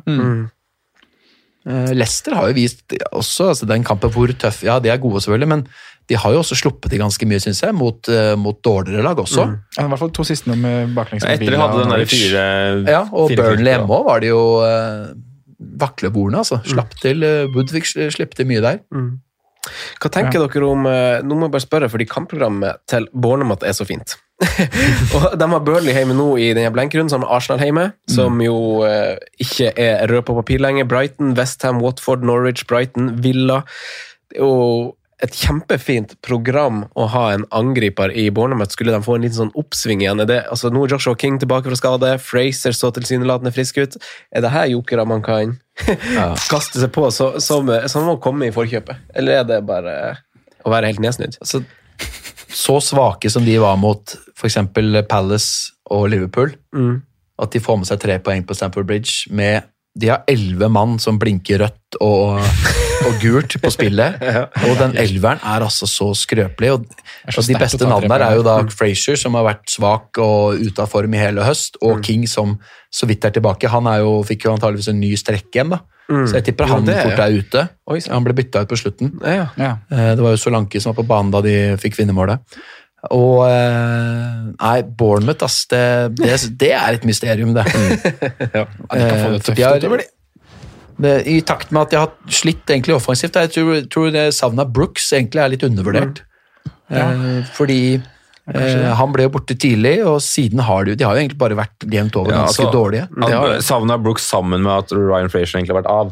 Ja. Eh, altså ikke, for Jeg syns Harry Wilson har tatt den selve Brooks-rollen sånn greit når han har spilt, men han har også vært ut og inn av laget, han er fortsatt ung. Ja. Så det er jo liksom den Og, og målpoengene han leverer, er jo gjerne med Dødballer, foten, yes. og ikke Mm. gjennom Spill. spill og Mm. trussel. Mm. Fordi- har noen kreativitet der. når du har Brooks, Frazier, King og Wilson eh, i den fireren som eh, vi ble så glad i i fjor, så har du, da har du mye å forholde deg til som eh, forsvarende lag. Nå har kamp, eh, jeg tror det virker som at Howe har vridd om ganske mye. Langt flere tette, litt jevnere kamper, prøver å låse matchene litt mer. Har ikke det kreative kraften. Synes jeg, I år har jo det faktisk blitt under 2,5 i ganske mange kamper for Bournemouth. Det er noen 0-0-kamper sånn som er veldig overraskende. Så jeg, jeg tror Howe har måttet kompromisse litt, da, fordi han har sett nettopp det at skadeproblemene og formsvikten til nøkkelspillere har gjort at han, øh, han har vært tvunget til det. Det ser du også på de type sentrale midtbanespillere han bruker nå. Da. Altså, det, er, det er Billing og det er Lerma, liksom. Altså, du får jo ikke noe annet enn en kjøtt. Da. Nei, Så, eh, Men at de klarer å holde nullen på Sample Bridge med den uh, ja, det er Med. Simon er jo Francis helt som stopper. Oh, han har vært på tur etter han kom tilbake i laget. Eh, Men det er jo billige forsvarere der, da, Sondre. Ja, det er Chris. Mepham inn, 4-3, samme som Rico. Har en stopper som kan spille kamp inn og kamp ut ganske lenge? Du veit jo hva den eneste byttet Magnus Carlsen gjorde i denne runden var? Nei. Det var uh, Jack Simpson inn. Ja. 3,9. Eh, det var antakeligvis fordi han så for seg at han kanskje kom til å spille, da, Ja. i og med at det var så mange skader. og Han gjorde jo ikke det nå engang. Eh, for den Magnus eh, tok unn, det var ikke sånn at han skulle spare penger eller noe sånt. Han gjorde bare et sideveis bytte fra en annen som kosta 3,9. Nemlig Winston Reed fra yes. Westham, som han har hatt inne hele altså, en eller annen merkelig grunn. Så det er jo noe sånn. Men det, han hadde to, to bytter spart opp, da, så han gjorde vel bare det sideveis for å Ja. Fortsatt ha to bytter. Da har han to Ja. bytter nå, da, i Game Week 18. Sondre Simen, har dere noe å si til Gaute Auseth for hvordan man kan hva, hva dere mener om hvordan man eh, skal prøve å klatre litt? Nei, jeg syns det er vanskelig. Vi har jo alltid sagt at man skal kjøre litt safe, så da klatrer man sakte, men sikkert. Ja. Jeg- Jeg, jeg, tror- jeg tror Gaute heller skal høre på seg sjøl enn høre på råd fra meg nå. For da tror jeg han, eh, han er en god nok fancy-spiller, han, altså, til å, Ja. til å ta sine egne valg. Men jeg, jeg er litt på den at man liksom går litt I hvert fall hvis du ligger litt bak, så gå litt på, på de profilene som kanskje er litt mindre eid av de som er over deg. da. Altså For eksempel, gå på Sala tidlig nå, da. Fra, fra romjula eller fra årsskiftet. Vær litt tidlig på. Ja. Ja. Men Ja, igjen så er vil det da gå på bekostning av at du ikke har sånn Ali og sånn, som jeg igjen tror blir tøft å gå uten. da. Så det er den Oppside, oppside versus ja. nedside der som jeg syns er beinhard Det å er vel vurdere. ikke Altså. akkurat nå Sala skal inn. Ikke akkurat nå, nei, men, liksom, Nei, men fra si at du er tidlig på Lik 20 da. den- Ja, Om et par gameweeks igjen. Da. Ja, for det er, jo en del, det er jo nødt til å være en del av planen hvis man skal Ja. kåle det brødet inn igjen, så må det være fordi at han skal stå lenge. Mm. Eh, mot, men klart, man kan gjøre Ali eller Son til en Sala, eh, og så gå ned et annet sted da, mm. på sikt. Det kan man jo fint gjøre. Mm. men eh, Sala har jo eh, sett litt gradvis bedring ut ganske lang tid, og så har han de to vanvittig fine kampene mot Bournemouth og Watford. Det var jo da det egentlig skulle vært Det var da du skulle vært det på Ja, den, det er Salah tenker jeg. jeg. Sant? Mm. Nei, det, i Så, det. mm, ja. Jeg tror vi må hoppe til våre spaltegutter. Mm. Gjør det det? Det Julespalte. Mm. Ja. Ja. Simen, hipster. Hvem var og hvem er din hipster? I denne runden her. Ja. Eh, en jeg toucha litt innom i stad.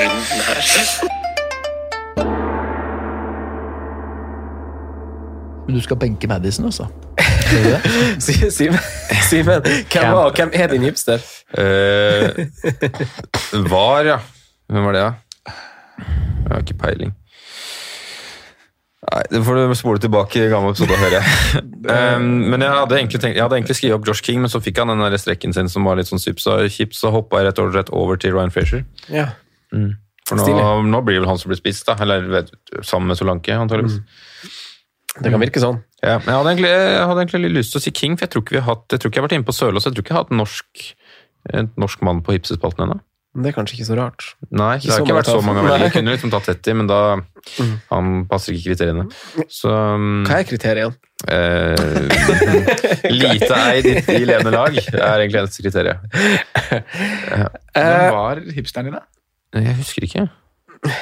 Denne runden her? eh, på perrongen Ja. Jeg har noen spillere jeg vil at dere skal si ja eller nei til. Eh, gjerne kom, som sagt, med en liten Jo, ja, det er Andrews Townsend. Han spiller i kveld, han. Ja, han spiller i kveld. Kan Ja. fortsatt levere Da kan fortsatt levere, han. Ja. Det gjør han, vet du. På perrongen, første spilleren er Adama Traoré, Jonas. 5,2. Yay or nay? Eh, det blir nei. Ja. Ganske klink, egentlig. Det blir nei her, altså. Ja, Det blir nei her òg. Samme. Neste, Simen, da starter vi med deg. Mm. Kevin De Branch. Han er på perrongen, han, ja. Mm, ja. Må vel nesten kjøpe billett, da. Ja. Sondre Mor. Ja. Jonas. Ja. Det blir et ja. Neste er en som kommer fra en sylfrekk clean sheet. Flere i vente. Ja. Chris Mepham, 4-3. Oi, oi, oi. Sondre. Burnley hjemme. Ja. 18. Hvorfor skal han være over Rico? ja. Han, altså, han kosta 3,8 eller 3,9, så det var liksom Men Rico har kjørt for lenge siden. må, ja, ja. Det, det er noe med det. Ja, Ja, Det, er er, jo det er en litt... stopper, i hvert fall, så kanskje, kanskje litt mer sikker på spilletid. Men jeg tenker nok at vi heller tar Rico, ja, hvis du skal involvere den der. Selv Ja. om prisen er eh, Nei, er lik, den. Ja, de er like. Så nei. Nei. Det blir nei fra dere også, gutta. Klink nei. Ja, klink nei. Virkelig. Siste, da. Det er en klink nei, Jonas. Mhm. Otamendi. Fem, fem, fem blank. Ja, jeg nevnte han faktisk i en tråd her eh, før denne runden. Eh, fem blank, og med Stones ute såpass lenge, så Men eh, jeg ser liksom ikke helt prioriteringen der, nei. Mm. Så eh, Men det er, det er jo for man skal jo, Mange skal ha inn en forsvarsspiller for eh, kanskje Trent eller eh, ja, Tomori eller noe det, sånt. annet. Jeg må jo si det at det er jo vondt å innrømme det, men Otamendi vurderes jo. Ja, men Hvis han får eh, disse fem-seks neste kampene, så kan du garantere at mot Palace, Villa, Everton, Sheffield United eller Leicester så kommer en sånn 12-15 poenger, og han skaller inn en goal. Det gjør Men sikkert det. får han de fem-seks neste kampene? Det er det som er Ja, det. Ja, det er akkurat det. Eh, Men Stone-skaden er jo eh, relativt alvorlig, da, og Laporte Ja. er vel også ute til januar en gang. Mm. Så det er vel ting som tyder på at han Plutselig finner Pep på at han skal bruke begge Syns Rodri han og Fernandinho hadde bra kontroll eh, mot eh, Aubameyang i går. Ja. Så du sier ja til Otamendi? Det er jo litt sånn som uh, refererer til det du sa tidligere, at man skaffer seg et problem. For han må jo ut på et eller annet tidspunkt. Mm. Uh, men ja, jeg sier ja, jeg. Han er faktisk på Hvis jeg nå velger at jeg vil ikke gå reer fordi jeg vil ha ha muligheten til Kane, da. Mm. Eh, da er ikke så mange andre billigforsvarere som dukker opp, egentlig. Ne. Og da stikker Otamendi seg litt fram. Mm. Jeg må si det. Simen, da? Jeg sier ja, jeg. For han er, han er en sånn Apropos differ, da. Finne de der 15-poengsdifferne. Mm. Det er litt det det handler om. Det hjelper ikke å få inn disse gutta som uh, leverer omtrent det samme som de du ikke har. Mm. Det, du må få inn noen som kan uh, stikke seg ut i mengden. Da. Og Mm. der er uh, Otamendi tradisjonelt vist seg å være en, uh, en giftig mann. da. Mm. Så, Revansjelysten etter håpløse eh, kamper sist, da. Mm. Mm. Men jeg syns han spilte med kløkt og disiplin eh, mot eh, Arsenal. altså. Ja, nettopp. Han Tross alt ganske vrient med BP, Martinell og Bamayang når de setter fart. da. Mm. Så det, det løste de bra. Sier du også ja? Eh, Ja, altså, Det er ikke prioritert bytte overhodet, men hvis du allikevel skal gjøre et bytte bak, eh, så er jo 5-0 Mm. ganske billig inn, eh, vei inn i, i City. da. Wolverhampton, Sheffield, Everton, Villa, Palace, Sheffield. Det blir noen clean sheets der, tror jeg. Mm. Hva sier du? Jeg tror kanskje jeg sier nei, men kanskje hvis du er i en sånn posisjon ganske langt bak, så er det en sånn fin krype... Men må du kryp- være langt kryp- bak? Jeg, jeg skjønner ikke helt den uh, Nei, for jeg, jeg er litt, det er jo bare som jeg sa innledningsvis, litt imot det der at du forplikter deg til et senere bytte. Ja, for det- er det det som gjør det, da. Ja. Men det er vel så ille å gjøre det når du er langt bak. Eh, det føler bare at du kan, kan, kan krype deg litt inn nå. Bruker. Ja, men du må jo gjøre det, eller Forpliktelsen til bytte er jo sånn Ja, da, men jeg, er altså, jeg, hadde ikke gjort, jeg hadde ikke gjort det som Magnus Carlsen først i verden, og ikke satt på Nei. Nå, men det er mer eh, altså, I posisjon om 500 000, hvorfor ikke prøve? Men det har jo vært en veldig rar sesong. De ti øverste forsvarsspillerne er fra tre klubber. Leicester, Liverpool og Sheffield United. 13 av de øverste 16. Mm. Um, og de har jo tatt klart mest poeng også, de ti. Um, så den forsvarsspilleren fra City som har tatt mest poeng, er jo nummer 25 totalt av forsvarsspillere. Det er Walker. Han har heller ikke vært noe Du fikk jo riktignok 1-14 poeng på han, eh, Veldig Sondre, fortjent men- den. Veldig fortjent men, den, og Walker har 45 poeng, og Otamendi har 44, som den med nest mest fra City. Ja, og så ta minutter på de to Ikke sant? Walker har ganske mange flere minutter enn Ja. Otamendi har. Otamendi, men Otamendi har samtidig også da tatt eh, 30 av de poengene i tre kamper. da. Ja.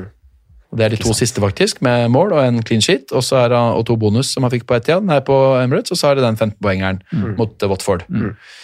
Men et et spørsmål. Nå har du lyst til å Må jo forte oss. Ja, Vi har ikke snakka noe særlig lenge nå. Nei, det blir ikke en sånn lang episode. der. Det er jo veldig sånn vurdering med det forsvarsbyttet, da. Eh, og, og, og, og, og det er jo egentlig Sheffield og Palace som egentlig skiller seg ut, syns jeg. Nei, kanskje ikke Sheffield, men Palace da, som skiller seg ut på Ficture, som man vil ha spillere bakfra. Men der sitter jeg allerede med Kelly. Eh, doble der, og kjøre Cahill og Kelly, eller da kjøre Otamendi. Otamendi. Ja. ja, da hadde jeg heller kjørt Otamendi Ja. på stående fot. Men er det andre lag med billige forsvarere som du har Ja, tenkt fordi Når han er nede i fem, så er det så billig at det, er, det er ikke mange eh, gode alternativer. Aurier, kanskje? Ja, for- ja, Bright, Brighton rullerer jo fint. Hvis du, de har Aurier- et veldig, veldig fint program etter jul Aurier også. foran. Ja, Aurier foran Otamendi, altså. Ja. Men jeg, jeg skjønner problemstillinga di med at du ikke har lyst til å låse Kane eh, enda. Nei, ikke altså, sant. du har to Spurs, Vil ha den muligheten. vil ha muligheten til Kane, så ser jeg på en måte poenget med det. Men sånn spiller for spiller har jeg Aurier ganske ganske langt foran, eh, foran Otamendi akkurat nå. Altså. Ja. Men en webstream kan jo være mulig. Ja, den, den rullerer fint Ja. med Lundstrøm, i hvert fall. Hvis Ja. du, men Men Lundstrøm skal ikke benkes. Ja, Han skal benkes i et par kamper, skal han ikke det? Nei, han skal jo, ikke. i jula skal han benkes et Nei, par det har du lært. Skal du ikke benke han? Jeg har um, Kan ikke benke han. Jeg har Lundstrøm jeg har på kamp- benk både på Etihad og Ja, Anfield. Ass. ja, det er de, ja, Ganske samme. enkelt, egentlig. Ja, samme. Nå må han jo spille på Etihad nå, da. Men, eh, nei, faen, det er ikke han som, det er han som er der. Faen, sorry, nå så jeg på Leicester. Men der er det vel snakk om Men Vi kan jo håpe på at han faktisk får en suspensjon. Der, der, der, eh, der, Er han? Er ikke det null? Det nulles ut det Nulles ut i Gameweek 19. Så han må Men la oss si at det er for så gult mot Watford, da. Ja. Det er fint, det. Benka han på Etihad. Det er helt perfekt. Mm. Eh, forsvarer til maks 5, som dere tror scorer best den kommende runden, Sondre? Oh, den er vrien, altså. Jeg har liksom sett, det er som vi sa her det er umulig å spå noen clean sheets. Eh, om det kommer noe, så tror jeg det kommer enten hos Brighton eller Newcastle. Så jeg skal vi si Webster, da. Jeg sier uh, Matty Target. Dunk. Dunk, ja. ja for jeg, jeg har gjort ganske masse research på det, her, for jeg har vurdert å gjort byt, forsvarsbytte med Tomori ut for å få inn en forsvarer. Og det er veldig sånn motsetninger nå. altså Det er et sånn godt bortelag som møter et greit heimelag. Newcastle er ganske dårlig defensivt mot dårlige lag. Det er veldig sånn, eh, sånn, der, veldig sånn rart. Og jeg ser jo sånn som Sheffield United de Det er jo eneste sammen med Liverpool som ikke har tapt på bortebane i hele Premier League. Det er jo helt sjukt. Nyopprykka lag ikke tapt på bortebane. Ja, det er Så- sterk stett. Ja, men uh, 0-0. Så det var et kjempedilemma. Så jeg, så jeg, så, jeg, så, jeg landa på det samme. Jeg har også tatt han og skrevet en dunk. Så det Ja, med tre Brighton her, da. Uten å liksom ha noen veldig sånn stor tro på det, så sier det litt om hvor vanskelig det er å spå Kinshi i runden her. Så tror jeg, synes jeg også det er litt sånn 50-50, for jeg syns egentlig Webster har sett farligst ut på, på faktisk dødball på det laget der, men det er Dunk som oftest ender opp med scoringen av en lang grunn, så det var derfor jeg liksom ventet på på Dunk, da, men eh, Jeg syns Webster er, ser minst like god ut på offensiv dødball. Ja. Jeg sier det litt også, for jeg mener at det kan være et godt valg på sikt i en sånn rotasjon. Ikke kjøre Brighton-forsvarer hele veien, men du har jo Ryan. Ja. Ja, jeg som Ryan, og det holder på en måte, i et, eh, i et potteballag. Skal vi takke Jonas for at han kom og snakka her i halvannen time med oss, eller? Det blir en liten sånn der ta med seg inn i jula. Kos deg. Mm. Fint, det. Takk for at du kom, Jonas. Hyggelig å være her, gutter. Mm. Så ses vi sikkert hyggelig. neste gang. Simen og Sondre, takk til dere òg. Takk for i dag. Ønsker god jul, da. God jul, så- Ja, god jul. God jul, ja. God jul. Så Ha det bra. hørs vi. Takk for at du hørte på vår podkast. Vi setter stor pris på om du følger oss på Twitter, Instagram og Facebook. Vi er fans i rådet på alle mulige plattformer.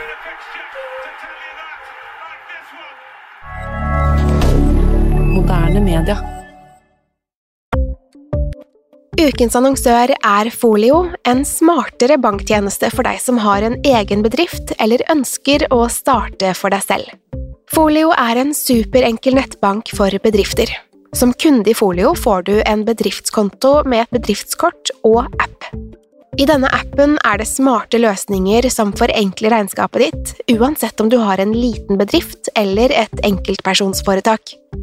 Folio er både intuitivt og brukervennlig, og er laget med et enkelt språk.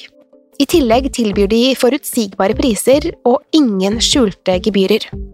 Skulle du likevel trenge det, så kan du snakke med deres raske og hyggelige kundeservice, og der får du prate med en faktisk person og ikke en chatbot. Folio er med andre ord både enklere og koseligere enn banken. Over 10 000 bedrifter har allerede valgt Folio som sin banktjeneste, så besøk folio.no og se hvordan Folio kan forenkle din hverdag også. Har du et enkeltpersonforetak eller en liten bedrift? Da er du sikkert lei av å høre meg snakke om hvor enkelt det er med kvitteringer og bilag i fiken, så vi eh, gir oss her, vi. Fordi vi liker enkelt. Fiken superenkelt regnskap.